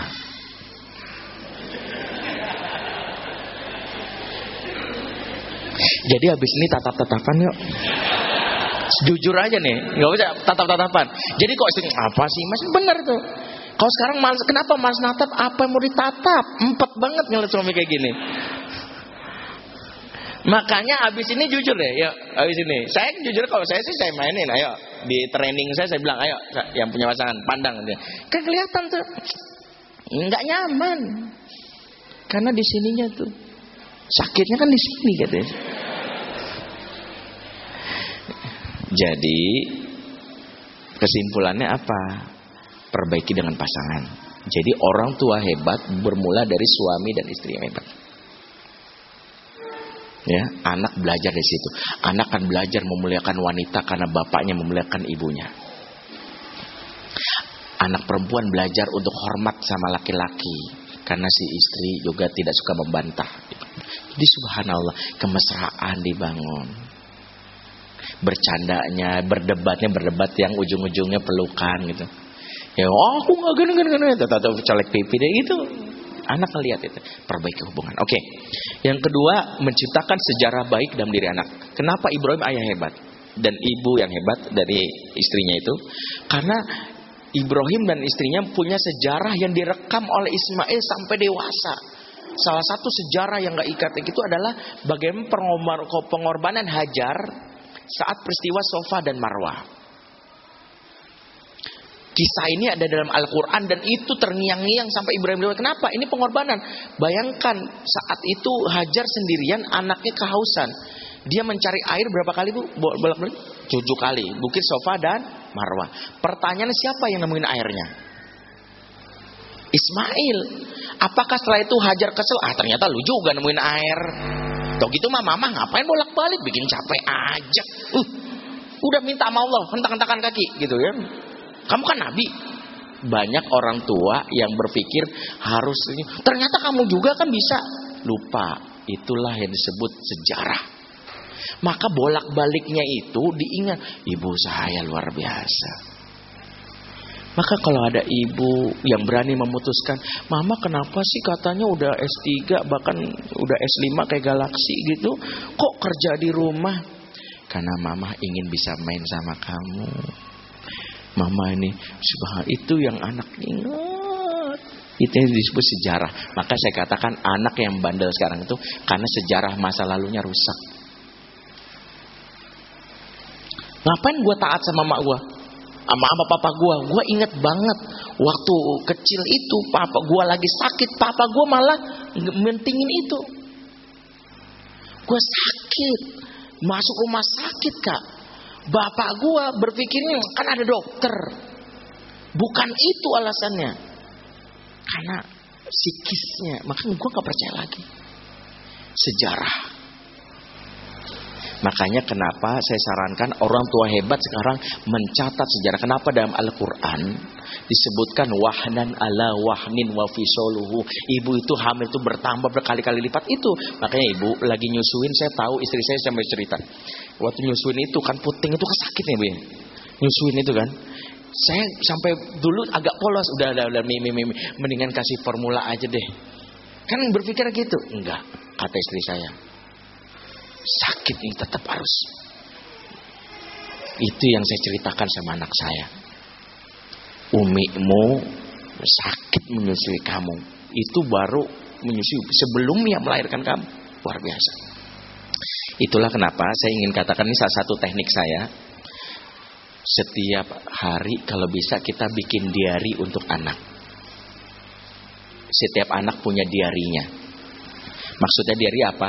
Anak belajar dari sejarahnya kelak ketika remaja dia baca diary waktu dia kecil dia akan mikir, jadi dulu aku pernah gini ya bunda maafin aku ya. Saya contohkan gini, ini ini laptop istri saya. Uh, saya punya kebiasaan itu menulis diary untuk anak saya. Saya bilang sama istri saya kalau umur Abi pendek, kalau umur Abi pendek, Tolong tuli, perlihatkan tulisan ini saat anak kita udah gede. Alasannya agar jangan sampai ada anak kita yang durhaka sama kamu. Saya pengen umur saya panjang, biar melihat bukan karena takut mati, tapi saya pengen melihat buah pengasuhan saya. Tapi saya menulis semua kejadian. Pertama, sebelum anak saya lahir, saya tulis surat. Anak saya belum baca sampai sekarang karena masih TK. Tapi nanti ketika remaja, perlihatkan tulisan ini. Cuman cuman beberapa tulisan doang dan ini kebiasaan para ulama. Saya bahkan mencatat SMS setiap kelahiran itu yang dulu SMS-nya saya catat verbatim mulai dari Oki Stiana Dewi, Bunda Neno, semuanya saya tulis. Saya ingin anak saya tahu, saya catat orang yang menyambut kamu waktu lahir. Nanti ketika kamu remaja udah pikir datangi orang ini kalau masih hidup, ucapkan terima kasih. Kamu temannya abiku kan? Ya, abiku mencatat pada saat aku lahir, Mbak menulis ini. Saat anak saya pertama kali masuk sekolah, saya catat. Bahkan main hujan-hujannya saya catat. Kenapa? Bukan sekarang dampaknya, Bu. Bukan sekarang dampaknya apa? Nanti ketika kita udah dewasa. Eh, anak sudah dewasa, ketika dia sudah durhaka, liatin aja Nanti dia akan jadi dulu aku pernah ya waktu sampai gini dia akan tersenyum dan terharu sampai dicatat. Kelemahan orang tua sekarang nggak punya dokumentasi anaknya. Sehingga anak sekarang tuh berpikir ketika orang tuanya bawel yang diingat itu doang. Ada sebuah film mungkin udah pernah lihat film ini. Film ini menunjukkan sorry inspiring movie. Nih. Ini nggak ada soundnya nggak apa Karena juga teksnya pakai apa bahasa Rusia. Ada ya? Ya, masuk. Yes, kok not responding sih. Ini habis ini kita sudahi ya. Udah lewat jam 10 soalnya. Hmm. Maklum nih laptop jadul.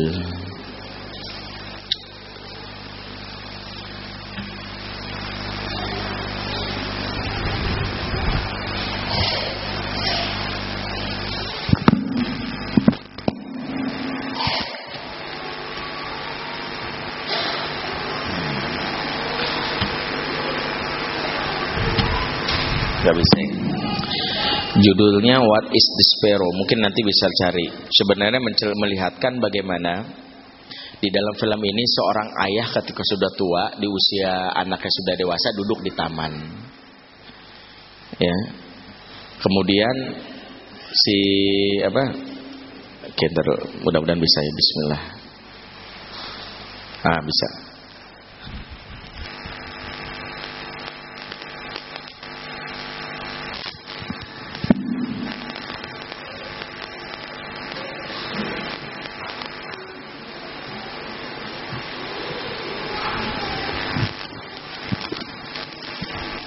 Tapi ini teksnya bahasa Inggris tuh.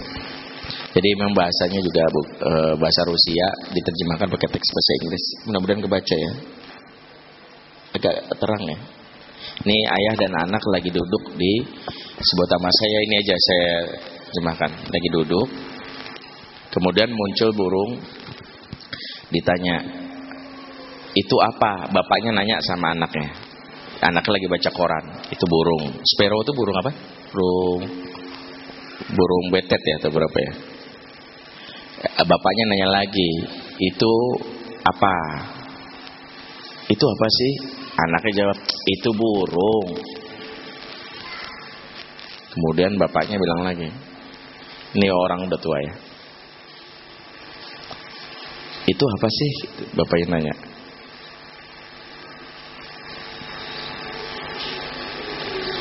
Nah, ngelihat burung itu itu apa? Anaknya kesel. Akhirnya dia bilang, itu burung.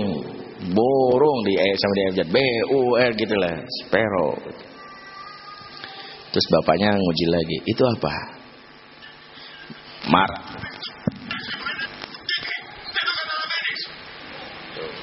Jadi bapaknya bilang, itu burung. Anaknya sampai kesel banget. Bapaknya akhirnya pergi. Bapaknya ngapain pergi? Ternyata bapak ini pinter. Dari kecil dia terbiasa menulis diari untuk anaknya. Ya, jadi dia bawa buku diarinya. Dia kasih ke anaknya.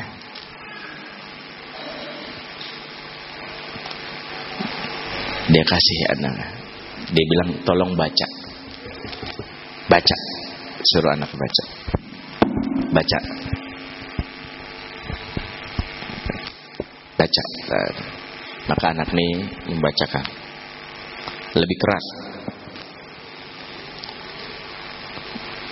Maka dia cerita hari ini anakku ya apa diajak lagi duduk di sebuah taman ya memandang seekor burung berada di depan kami. Kemudian anaknya bertanya 20 kali, 21 kali. Dan aku menjawab 21 kali juga. Jadi dia tulis gitu. Ya. Dia burung itu sparrow gitu. Itu burung. Dan aku memeluknya tadi setiap dia bertanya pertanyaan yang sama berulang-ulang. Tanpa marah merasa bahwa inilah anakku polos banget. Maka anak ini perhatikan dia ingat ini waktu dia kecil dia lupa diingetin waktu dirinya dipeluklah ayahnya. Saya ingin katakan anak kita yang sekarang nakal ini menurut kita nakal sejatinya adalah anak yang terputus akan sejarahnya di masa kecil. Karena dokumentasi kita lemah. Maka rumusannya life is documentation.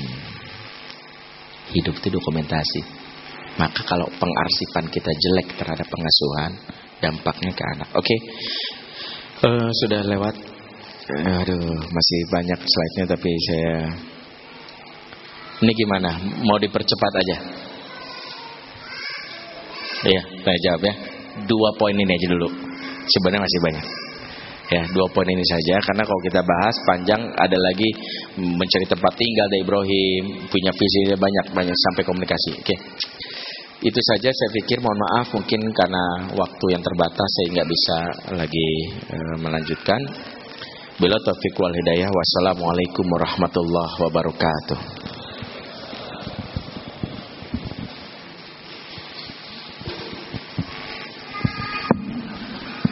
Alhamdulillah, Rabbil kita mendapatkan ilmu yang sangat banyak sekali. Saya pikir ini Ustaz, ternyata dua dua-duanya kena nih Tad. Ayah dan ibu semuanya mendapatkan uh, ilmu yang bermanfaat. Silakan bagi yang mau bertanya. Istri saya Tad. uh, yang lain? Ibu-ibu yang lain? Dua-dua uh, Awat dua, laki-laki dua. Uh, Baik, istri saya dulu.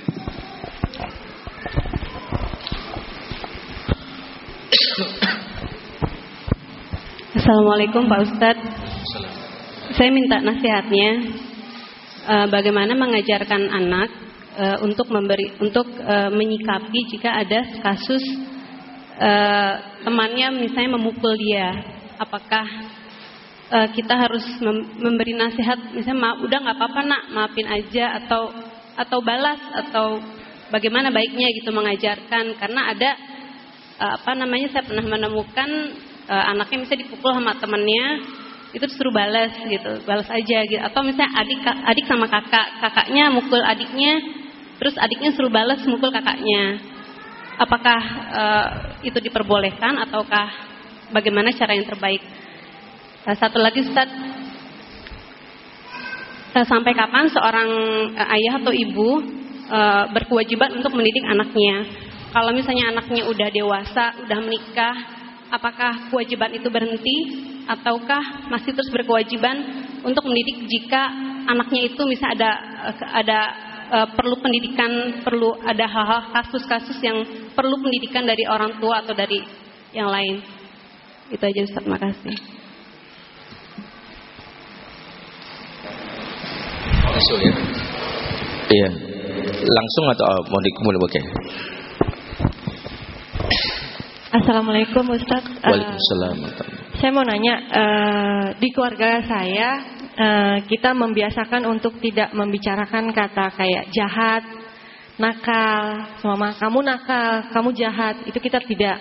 Tapi ternyata uh, anak tetangga uh, dia malah yang ngajarin anak kita bilang, ah kamu nakal, ah kamu jahat pelan-pelan secara nggak langsung uh, anak kita jadi ikut ke ikut bicara seperti itu ke kayak sumpama seperti kayak lagi beda pendapat sama adiknya kak uh, yang besar ah kamu jahat saya kasih tahu uh, itu tidak baik tapi dia ber, berulang kali kadang kalau misalnya lagi ini ikut ah kamu jahat ah kamu nakal gitu saya minta saran uh, saya lebih baik seperti bilang ke anak saya gimana ya untuk menghindari hal yang itu. Makasih Ustaz. Assalamualaikum. Waalaikumsalam. Jazakumullah khairan kafir. Dua dulu ya.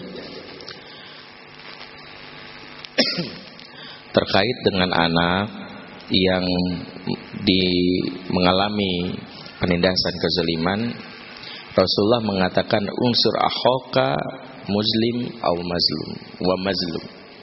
Tolonglah saudaramu yang menzolimi maupun yang dizolimi.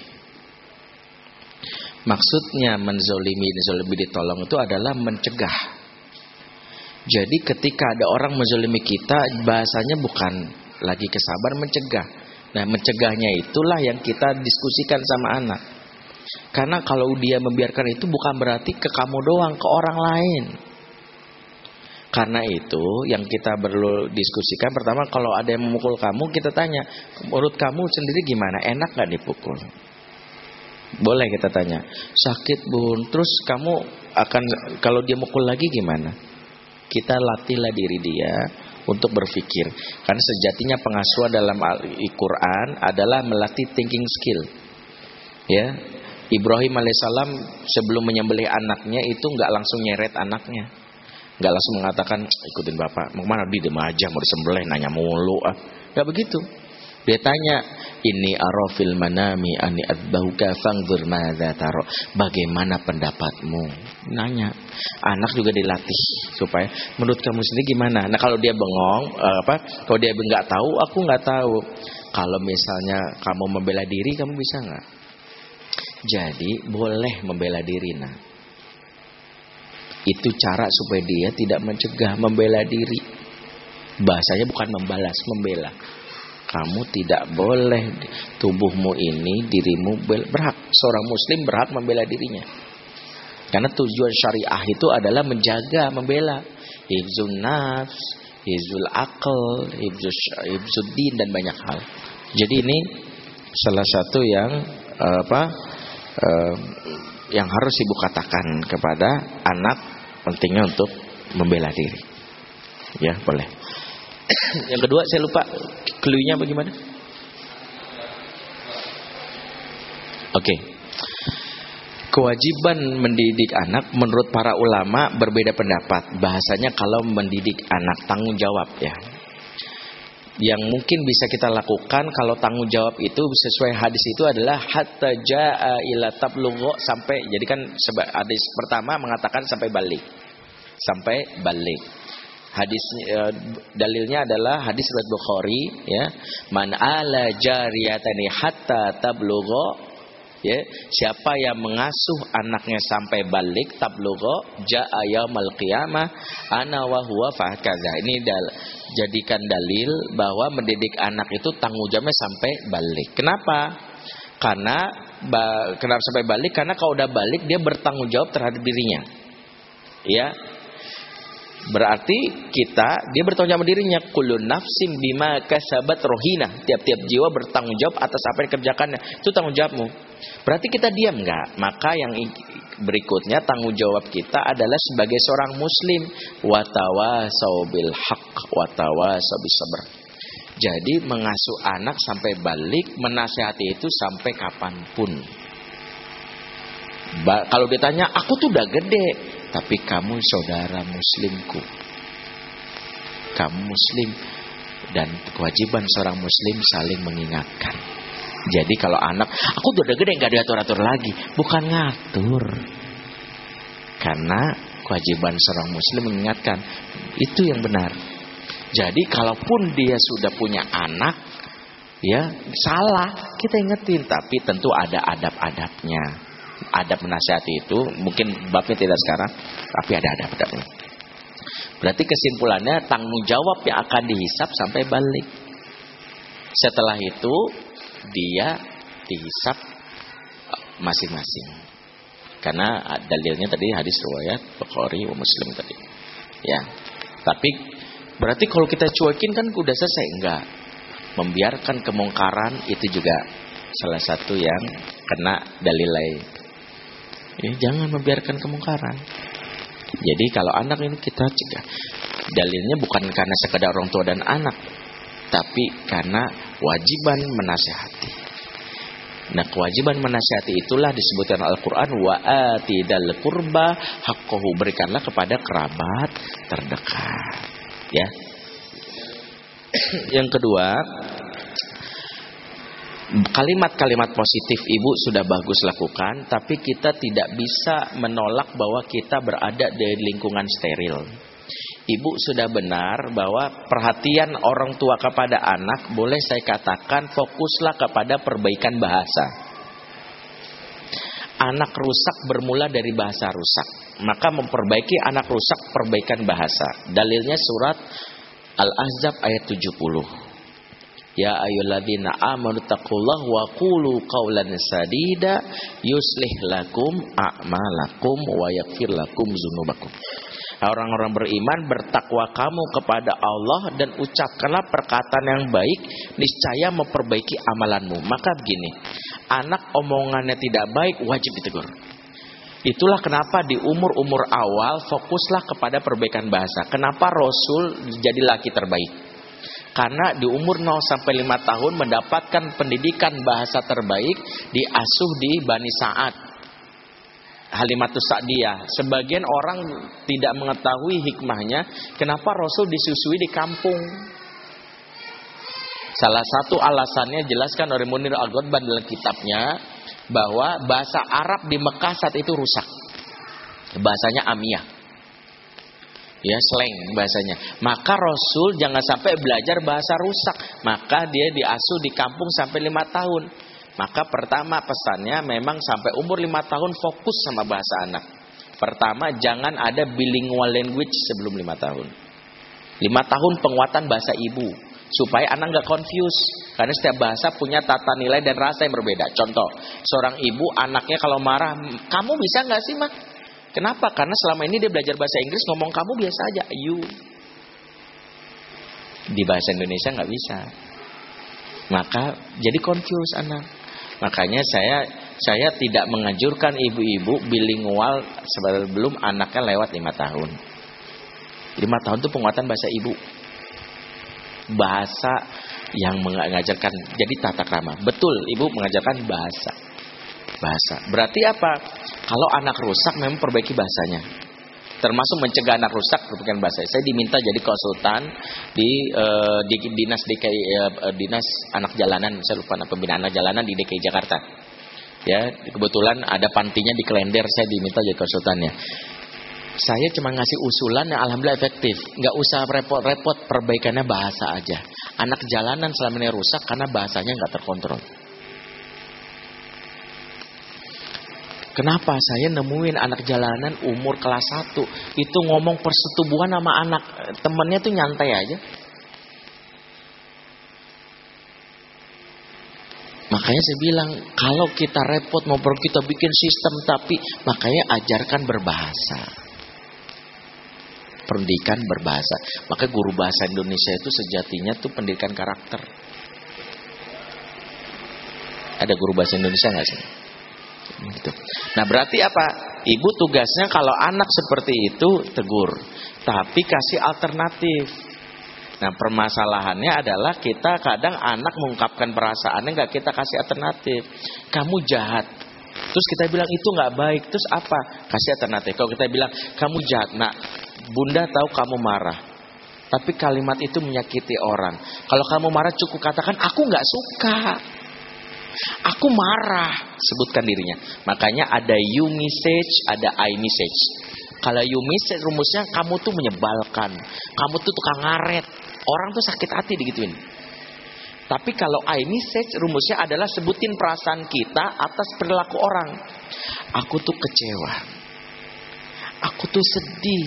Kamu kok begitu? Dampaknya jadi rumusnya tiga. Namanya level X, Y, Z. Ya, nih saya kasih rumusnya. Pertama, sebutin perasaan kita. Anak ajarkan. Kamu rasanya apa? Nggak suka sebutin. Yang kedua, sebutin perilaku yang nggak disuka. Perilaku itu. Yang ketiga dampaknya. Contoh daripada bilang kamu tuh tukang ngaret itu menyakitkan, tapi bilang aku tuh kecewa. Kamu datang terlambat, kecewanya karena datang terlambat. Akibatnya acara kita diundur. Jadi dia harus tahu dampaknya. Itu lebih santun kan Bu daripada dasar tukang ngaret. Pesannya sama, efeknya beda. Berarti latihlah anak kita kalau itu kasih alternatif. Bunda tahu kamu marah. Tapi kalimat itu itu menyakiti orang. Kalau kamu marah cukup ucapkan aku marah. Kenapa kamu marah ngambil barang adik? Adik ngambil barang aku, aku nggak suka. Benar. Dari mana dia belajar itu? Dari kita. Kita juga kalau marah jangan bilang, kamu tuh nyebelin banget sih jadi anak. Nah, sama juga.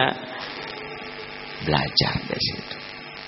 Ya yang berikutnya jangan nggak apa-apa kita kasih alternatif tapi seleksi efektif perilaku anak itu justru yang terbaik di malam hari makanya penting setiap malam itu jurnal harian jurnal harian itu jangan pernah anak di bawah 10 tahun tidur tanpa pendampingan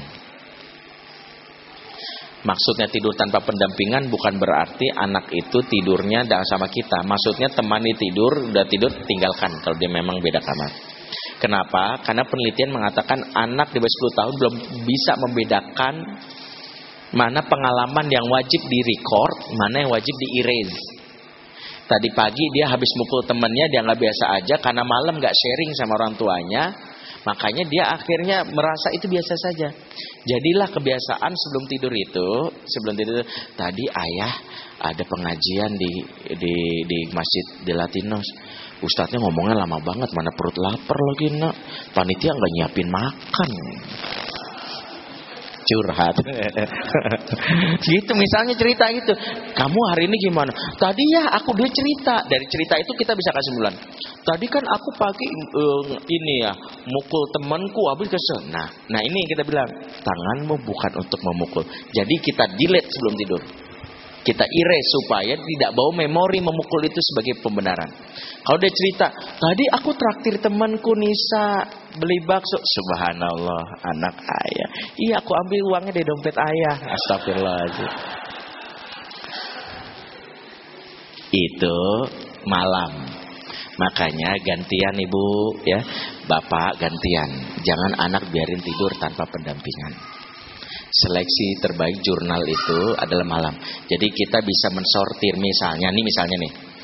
Di, misalnya ibu kan bekerja, ada yang bekerja. Saya kasih solusi, malam itulah waktu terbaik untuk menanamkan nilai. Karena ibu udah nggak nggak ini jangan sampai tidur anak sama pembantunya lagi.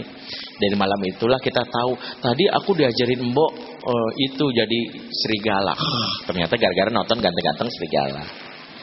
Barulah kita kasih ini karena kita malam itu kita evaluasi. Ya. Wallahu a'lam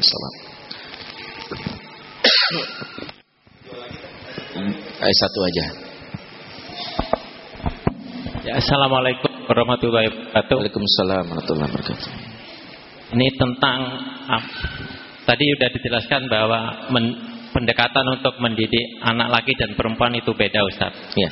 Jadi mungkin ini bahasanya panjang tapi mungkin bisa dikari garis besar bisa dijelaskan terutama untuk anak perempuan dulu karena kebetul kebenaran anak saya perempuan.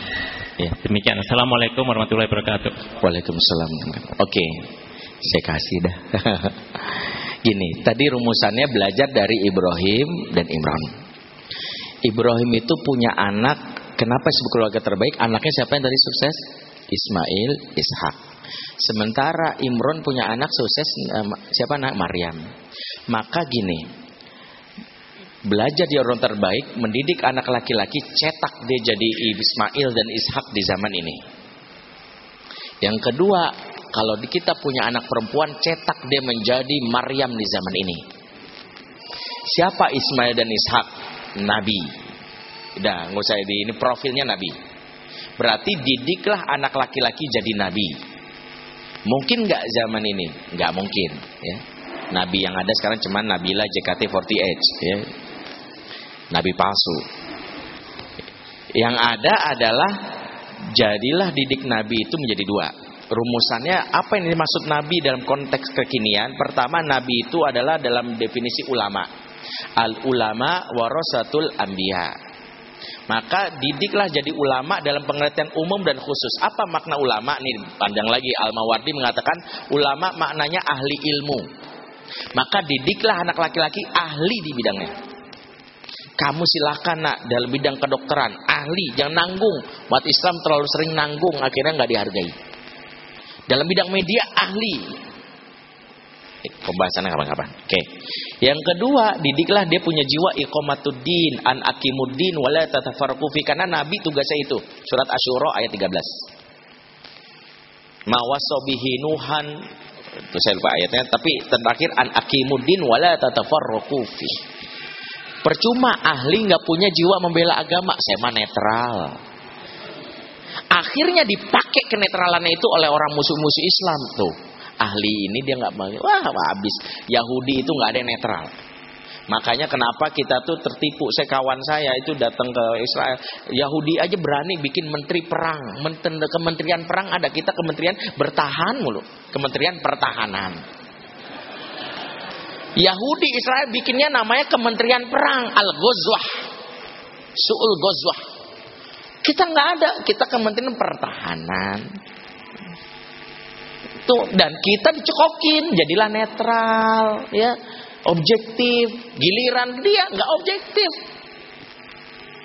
Makanya tadafu itu sunnatullah. Maka anak kita jangan jadi ahli yang netral, bikin supaya agamamu bangga.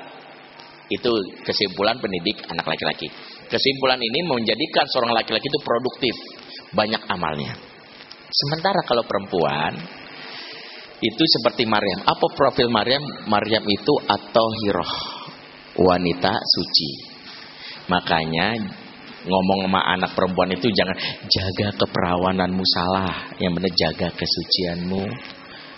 Karena istilah Quran atau hiroh laisat bakiroh yang benar jaga kesucian. Sebab apa? Suci beda dengan perawan. Suci itu terkait dengan aspek adab dan akhlak. Salah satu buah dari kesucian itu adalah perempuan punya kemampuan menahan diri. Jadi beda. Kalau laki-laki dituntut untuk banyak amal, perempuan nggak usah banyak amal. Perempuan itu cukup keunggulannya punya kemampuan menahan diri. Kalau saya jabarin panjang lagi, karena ada hadis yang membenarkan ini dan hadis riwayat Ibnu Hibban ya idza salatil mar'atu khamsaha wa samat syaraha wa hafizat farjaha wa atat zawjaha qila laha jannata min abi ababil jannati syi'ti.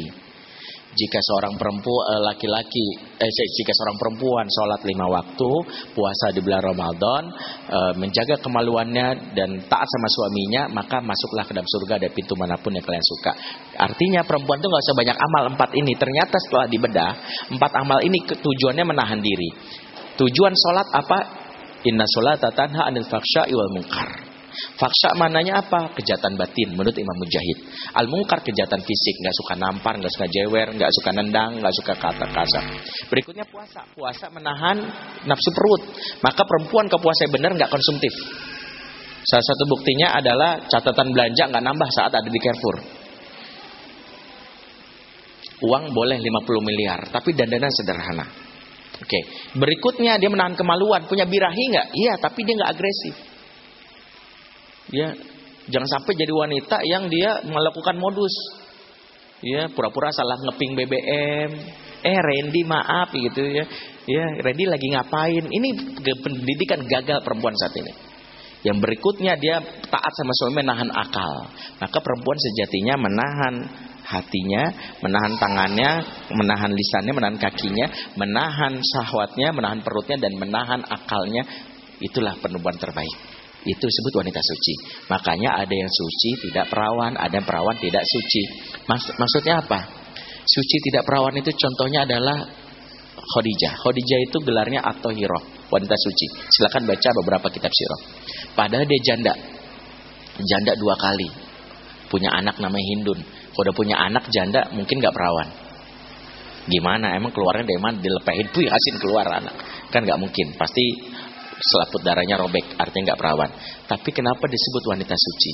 Karena saat salah satu buktinya saat naksir sama Muhammad Rasulullah itu nggak melakukan modus, nggak pura-pura karena dia majikan masuk kamar dikunci Muhammad, pegel nggak? Sini pegel nggak ada. Atau dia pura-pura Muhammad lewat Muhammad, kemudian aku dong. Ih Muhammad sombong banget, nyapa napa? Pin BB-nya berapa? atau pura-pura jatuhin pulpen, pura-pura ketabrak pingsan. Muhammad nggak ada. Nih anak sekarang wanita dicekoki FTV, dia bilang ini zaman emansipasi. Saya bilang iya, tapi sesungguhnya kamu menjatuhkan kesucianmu.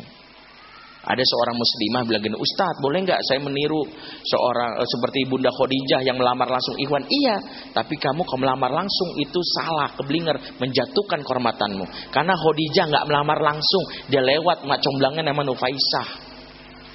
Kamu melamar langsung ditolak, sakitnya di mana-mana, saya bilang.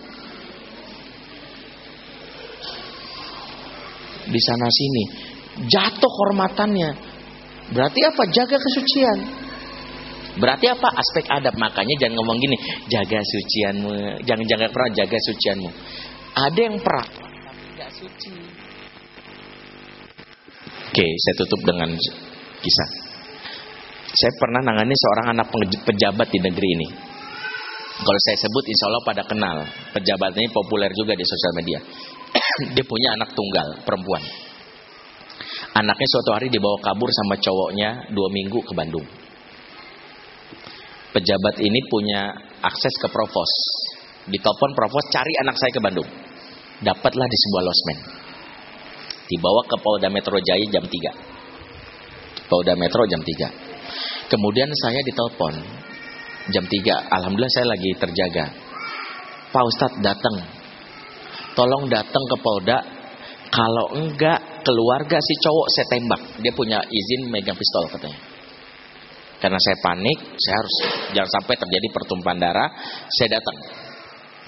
Ketika saya datang, alhamdulillah baik-baik saja. Si ibu dari si perempuan ini melakukan tes virgin kepada si anak perempuannya. Kemudian sujud syukurlah ibu ini jam 10 keluar. Alhamdulillah Pak Ustadz anak saya masih perawan. Kan gitu, ah, masih perawan. Ngobrol lah saya dengan anak wanita ini. Saya tanya gini, kamu hebat ya dua minggu dibawa kabur pacar kamu masih bisa jaga keperawananmu. Apa kata dia? Iyalah om, kan aku bilang sama pacarku kalau mau jangan bagian bawah, bagian atasnya aja pegang. Pertanyaannya sama ibu-ibu sini, mohon maaf, masih perawan nggak bu? Iya, karena patokan perawan itu selaput darah masih kokoh. Mohon maaf ya, ini saya sebut istilahnya. Selaput darah masih kokoh perawan bu, tapi nggak suci. Maka didiklah anak wanita kita jaga kesucianmu. Karena nanti dia nggak sembarang sentuh. Maryam ketika dia hamil apa bahasa dia? Anna yakunu li walad walam yamsasni bashar. Bagaimana bisa aku hamil sementara tidak ada satupun lelaki pernah menyentuh aku. Gak sembarangan disentuh. Mau sentuh saya, sentuh dulu tangan bapak saya sambil pegang sambil ucapkan saya terima nikahnya. Itu baru. Jadi kalau anak perempuan dipegang, eh, enak aja pegang-pegang. Pegang dulu tangan bapak saya. Baru sambil ucapkan, saya terima nikahnya. Baru pegang tangan saya. Bilang sama anak wanita begitu. Kenapa dia bisa? Nah pertanyaannya kenapa dia bisa tegas? Karena kehadiran sosok ayah di masa kecil. Makanya penelitian dari Profesor Serumai Juhari, anak wanita yang tidak dekat dengan ayahnya dampaknya dua. Pertama, kalau dia sudah ABG, dia gampang jatuh ke pelukan lelaki lain. Itu yang disebut cabe-cabean. Ya, baru ada cowok kenal tiga hari di Facebook ya, wajahmu mengalihkan duniaku. Kelepak, kelepak, kelepak, kelepak. Bapak kamu supir angkot ya, soalnya kamu ngetem terus di hati aku. Langsung wah gitu. Karena bapaknya nggak pernah nembak anaknya. Nggak pernah menyatakan, duhai belahan jiwa ayah, cintanya ayah, aduh ayah kangen banget sama kamu. Nah ketahuilah tidak ada satupun lelaki di dunia ini yang lebih mencintai kamu kecuali ayah. Perhatikan itu. Tidak akan ayah izinkan siapa pun mengganggu kamu. Menyakiti kamu berarti menyakiti ayah. Dan ayah sakiti orang itu dua kali lipat. Kalau perlu ayah mutilasi empat bagian. Nah ini jangan perlu dicontohin ya. Maksudnya bagi wanita ini kalimat yang dirindukan. Udah lama nggak dapet ini deh bapaknya. Bapaknya nggak pernah ngomong itu. Makanya ayah yang terlambat menyatakan cintanya kepada anak wanitanya, terimalah akibatnya anak wanita menerima pinangan lelaki yang belum tentu halal untuk dia. Makanya saya katakan sejatinya para ayah itu cinta pertama bagi anak wanitanya. Kalau ayah jadi cinta pertama anak wanitanya, kalau saya mencari suami pengen seperti bapak saya. Standarmu apa? Seperti papaku dong. Atau kalaupun bukan seperti papahnya, yang papahnya pilihkan atau papahnya ridhoi. Itu dampak pertama. Yang kedua, anak wanita yang tidak dekat dengan ayahnya, kalau dia berumah tangga, dia ribut dengan suaminya, maka dia cenderung memilih menggugat cerai atau selingkuh dengan lelaki lain. Maka Indonesia mengalami fenomena 70% wanita menggugat cerai suaminya, data dari Dirjen Islam. Ditelusuri lagi karena nggak punya sosok ayah di masa kecil. Jadi kalau ada anak wanita ketika ribut sama suami, emang semua cowok sama aja.